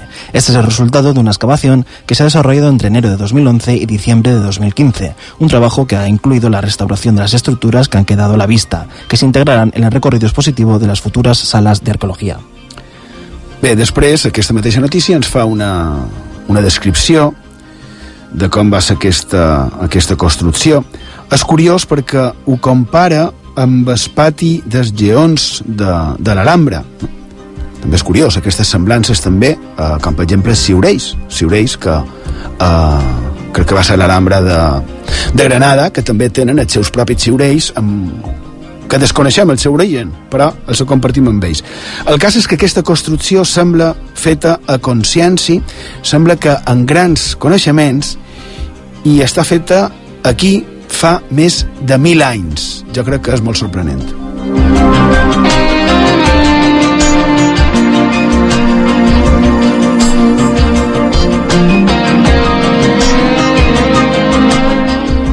Ja que avui hem parlat un parell de vegades d'Escorca, de, Silla de Mallorca, seguim allà, un document relacionat amb Lluc, amb el monestir de Lluc, però no té res que veure amb, amb l'infern. Això ha, ha sortit de l'Ara Balears, em pareix. Sí, a l'Ara Balears llegim aquests, aquesta setmana la notícia relacionada amb la troballa documental a la qual fa referència. Els llibres del Priorat constaten l'existència d'una escola mixta a Lluc al segle XVI Pep Barceló Drové, arxiver de la Col·legiata de Lluc, acaba de trobar una documentació que constata l'existència d'una escola mixta el 1645 a la petita vall d'Escorca.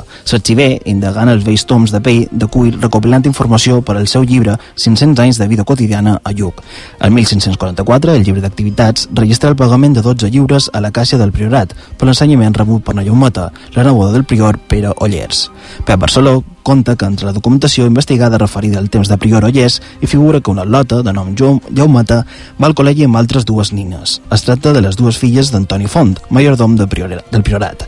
Jaumata fou enviada pels seus progenitors a Lluc per treballar i ho fa al principi filant estopa i en tasques reservades a les dones, però el prior volia que la seva neboda fos instru instruïda perdó, i per això la va fer anar a escola, on s'hi està 20 me 21 mesos, juntament amb les dues filles del majordom i una dotzena de nins. Explica l'arxiver recordant que anar a l'escola estava reservat només als descendents de les famílies que no, no necessitaven la mà d'obra dels seus fills per sobreviure, les classes socials altes.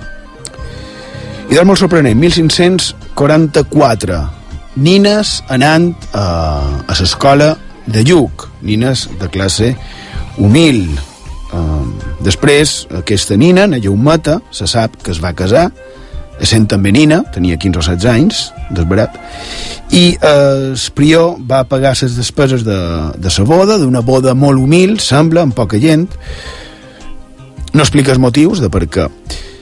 Però bé, lo de sempre, que et segueixen fent troballes, troballes històriques que faran reescriure la història, que fan que la història s'hagi de seguir reescrivint. No? És molt interessant, aquestes dades que ens ha donat. Supos que manquen, encara més. Estirem pendents d'aquest proper llibre per, per veure que, que ens conta. No?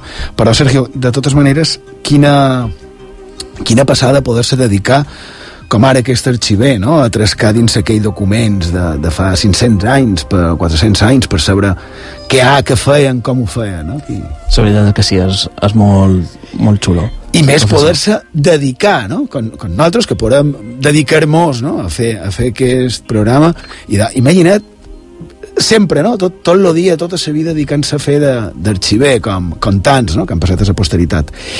Mm, enveja, molta enveja.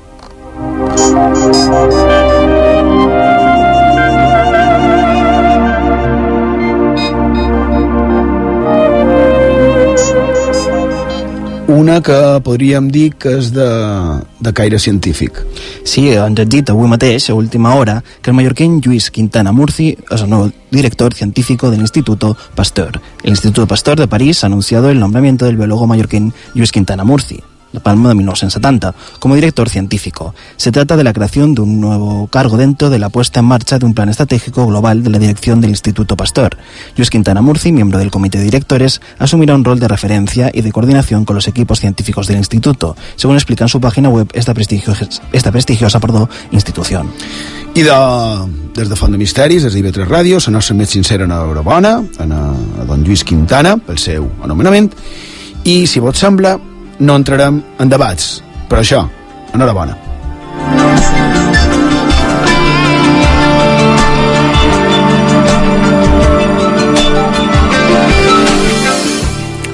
I com no podria ser d'altra manera, quan arribes a aquestes, aquests dies, no? la Setmana Santa, surten, a, principalment a la tele, les notícies d'ocupació hotelera no? a nivell de l'estat, i surten imatges de com estan les platges, principalment de llevant espanyol.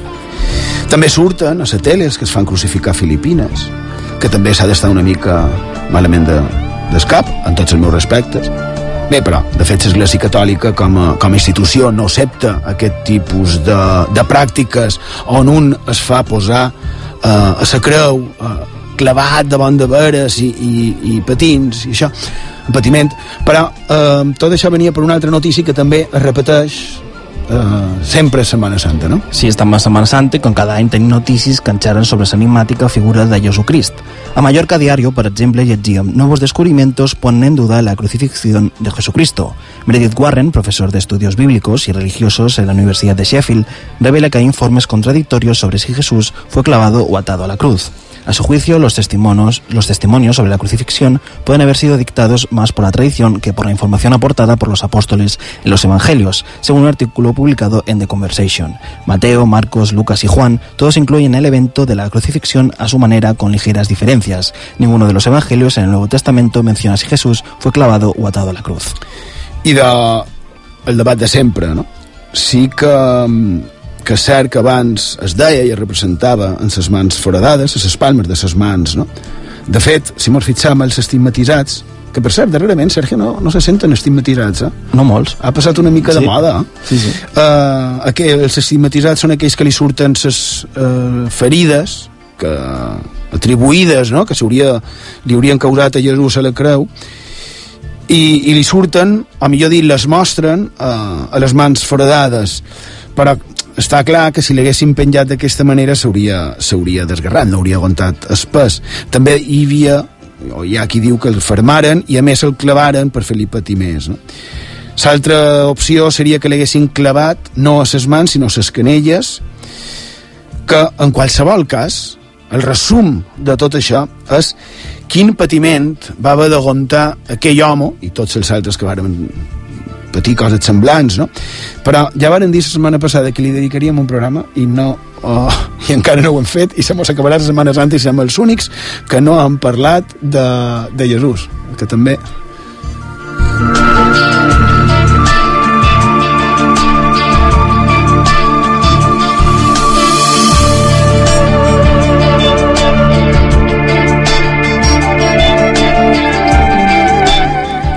Ara una altra que és totalment diferent, profètica, ja en el seu dia en varen parlar, profecies de El Simpson.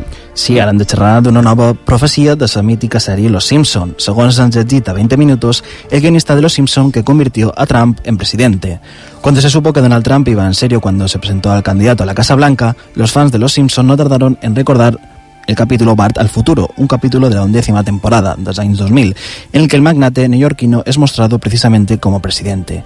El capítulo sitúa la trama 30 años después de lo habitual. En ese futuro, Lisa asume la presidencia de Estados Unidos y su- sustituye a Donald Trump. Lisa tiene el reto de reconstruir el país después de que Trump lo llevara a la bancarrota.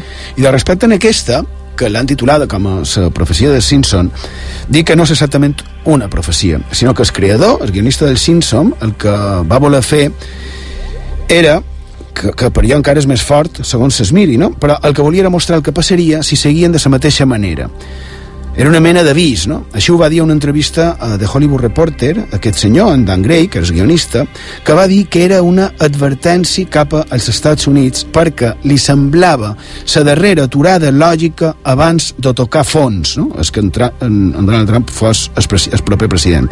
Perquè diu que anava de la mà a la visió d'una Amèrica tornant-se loca. Així, eh, bé, això, millor dit, és el que va dir i el que ho va profetitzar suposadament. I crec que és com a mínim motiu de reflexió. El més fort de tot això és que quan ho va emetre aquest capítol fa 16 anys va ser un dels més criticats. I ara resulta que tal vegada no havia de, de ser tant. La setmana que ve no se m'ha d'oblidar de parlar de la profecia d'en Fidel Castro eh, que també aquesta és molt bona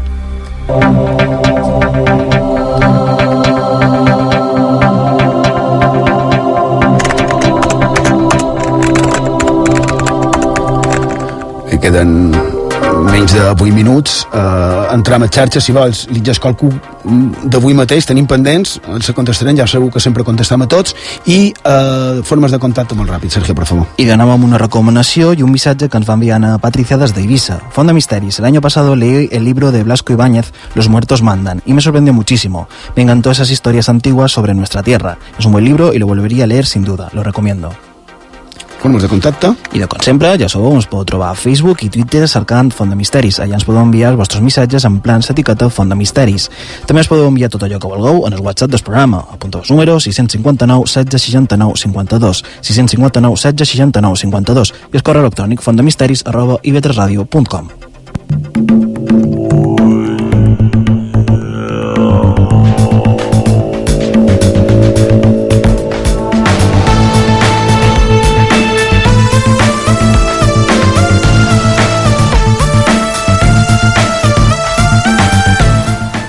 I d'hom arribat a la fi del programa d'avui. Esperem que hagueu passat una estona agradable, que hagueu pogut treure qualque cosa de profit d'aquesta font de misteris. I avui hem volgut parlar de les portes cap a l'infern, entrades a, a l'infern, segons les antigues mitologies, les antigues i, com hem dit, també actuals creences. Infern literals, inferns imaginaris, mons on un creu que no pot arribar-hi mai, o fins i tot món desitjats i tal vegada idealitzats. Ja sabem que a vegades un, un paradís es pot convertir en un infern. Cabrera, per exemple, no? aquells anys terribles, fa 200, quan va ser abandonat uns milenars de persones, de persones francesos, a una illa que ells imaginaven com a Mallorca, però una mica més petita, i en el final se va convertir en un terrible patiment. Fa 200 anys, pot semblar que queda lluny en el temps, però no. I també n'hi ha de més propers. Un, un altre infern, una altra entrada a l'infern és, a dia d'avui, molt a prop d'aquí. Europa es converteix en una entrada al paradís per al que fugen de l'infern, principalment sirians. Uns refugiats, no sé si és correcte dir refugiats, a quelcom el que no se li dona refugi, però a uns, en qualsevol cas, que ningú no vol i que no tenen dret a estar en lloc a casa seva, la guerra i els radicals els fan fugir, a Europa sembla que no són benvinguts, i mentrestant van passant els dies, passen les setmanes, i famílies senceres, nins, nines, dones, homos, patint el que probablement no, no varen pensar mai que arribarien a patir, no? I els que manen, el que estan a dalt de tot, ben còmodes, no? cerquen solucions, que, que no els hi representi cap problema. I mentre els anomenats camps de refugiats, plens de gom-gom, de gent, com, com dèiem, com vosaltres i com nosaltres, no? gent a que la guerra ha fet fora de casa seva. Ho podeu imaginar per un moment. I de, quan agafa el debat, el seu punt àlgid, sempre hi ha qualcú que diu que els refugiats són delinqüents, que venen a destruir Europa, a atemptar contra nosaltres. I la veritat és que després els verdaders autors dels atacs terroristes resulta que són europeus. Tan europeus com a qualsevol de nosaltres. Tenen el mateix passaport de la comunitat que tenim, sense anar més juny, aquell terrorista tan cercat no, pels atemptats de París, en Salabs d'Islam, que va ser detingut dissabte passat, era belga que va fer feina a una empresa pública de transports a Brussel·les i que tenia un bar tancat per tràfic d'estupefaents. I els altres, el que s'han suïcidat amb la finalitat de causar mal i patiment, també ho eren. I de veritat ens hem de creure que els verdaders terroristes són famílies sirianes que traten de fugir d'una guerra Potser sí que n'hi haurà, està clar, però crec que no es pot generalitzar d'aquesta manera. Podria començar a posar exemples, però no és necessari. Així que avui a les utopies de la mitjanit d'IV3 Ràdio ens agradaria somiar amb un món, amb una Europa particularment que ens toca de prop. Una Europa que sabés que, pogués reconèixer la seva responsabilitat i tractés de bon de veres d'evitar la situació de tant de mils de persones i que tots els que estan allà assegudats s'ho prenguin com el que és un tema molt seriós si no, correm el risc que aquestes marginacions vagin arrelant i puguin anar agafant poder, gent radical, com ha passat tantes vegades a la història, com sembla que està tornant a passar a qualcun dels països considerats més poderosos del món. I al final prejutjam, al final ens creiem tots els que ens diuen. Al final, fins i tot, com feien els vells, no? i varen veure la setmana passada, que la música rock era satànica, no? i del final és pensant que és veritat moltes de les fal·làcies, si se'm permet, les beneitures que, que diuen, no? Ara ja no crec que hi hagi ningú que cregui que roquers val a l'infern, les seves majestats satàniques són a Cuba, no? I jo tampoc pensem que el que són diferents a nosaltres, o els que no han tingut la sort que tenim, o que han tingut la mala sort que a nosaltres no ens ha arribat, i de no ens pensem que per això són dolents. No els condemnem a un infern en vida. Crec que la infraestructura europea se pot permetre, però clar, jo no som ni polític ni estadista.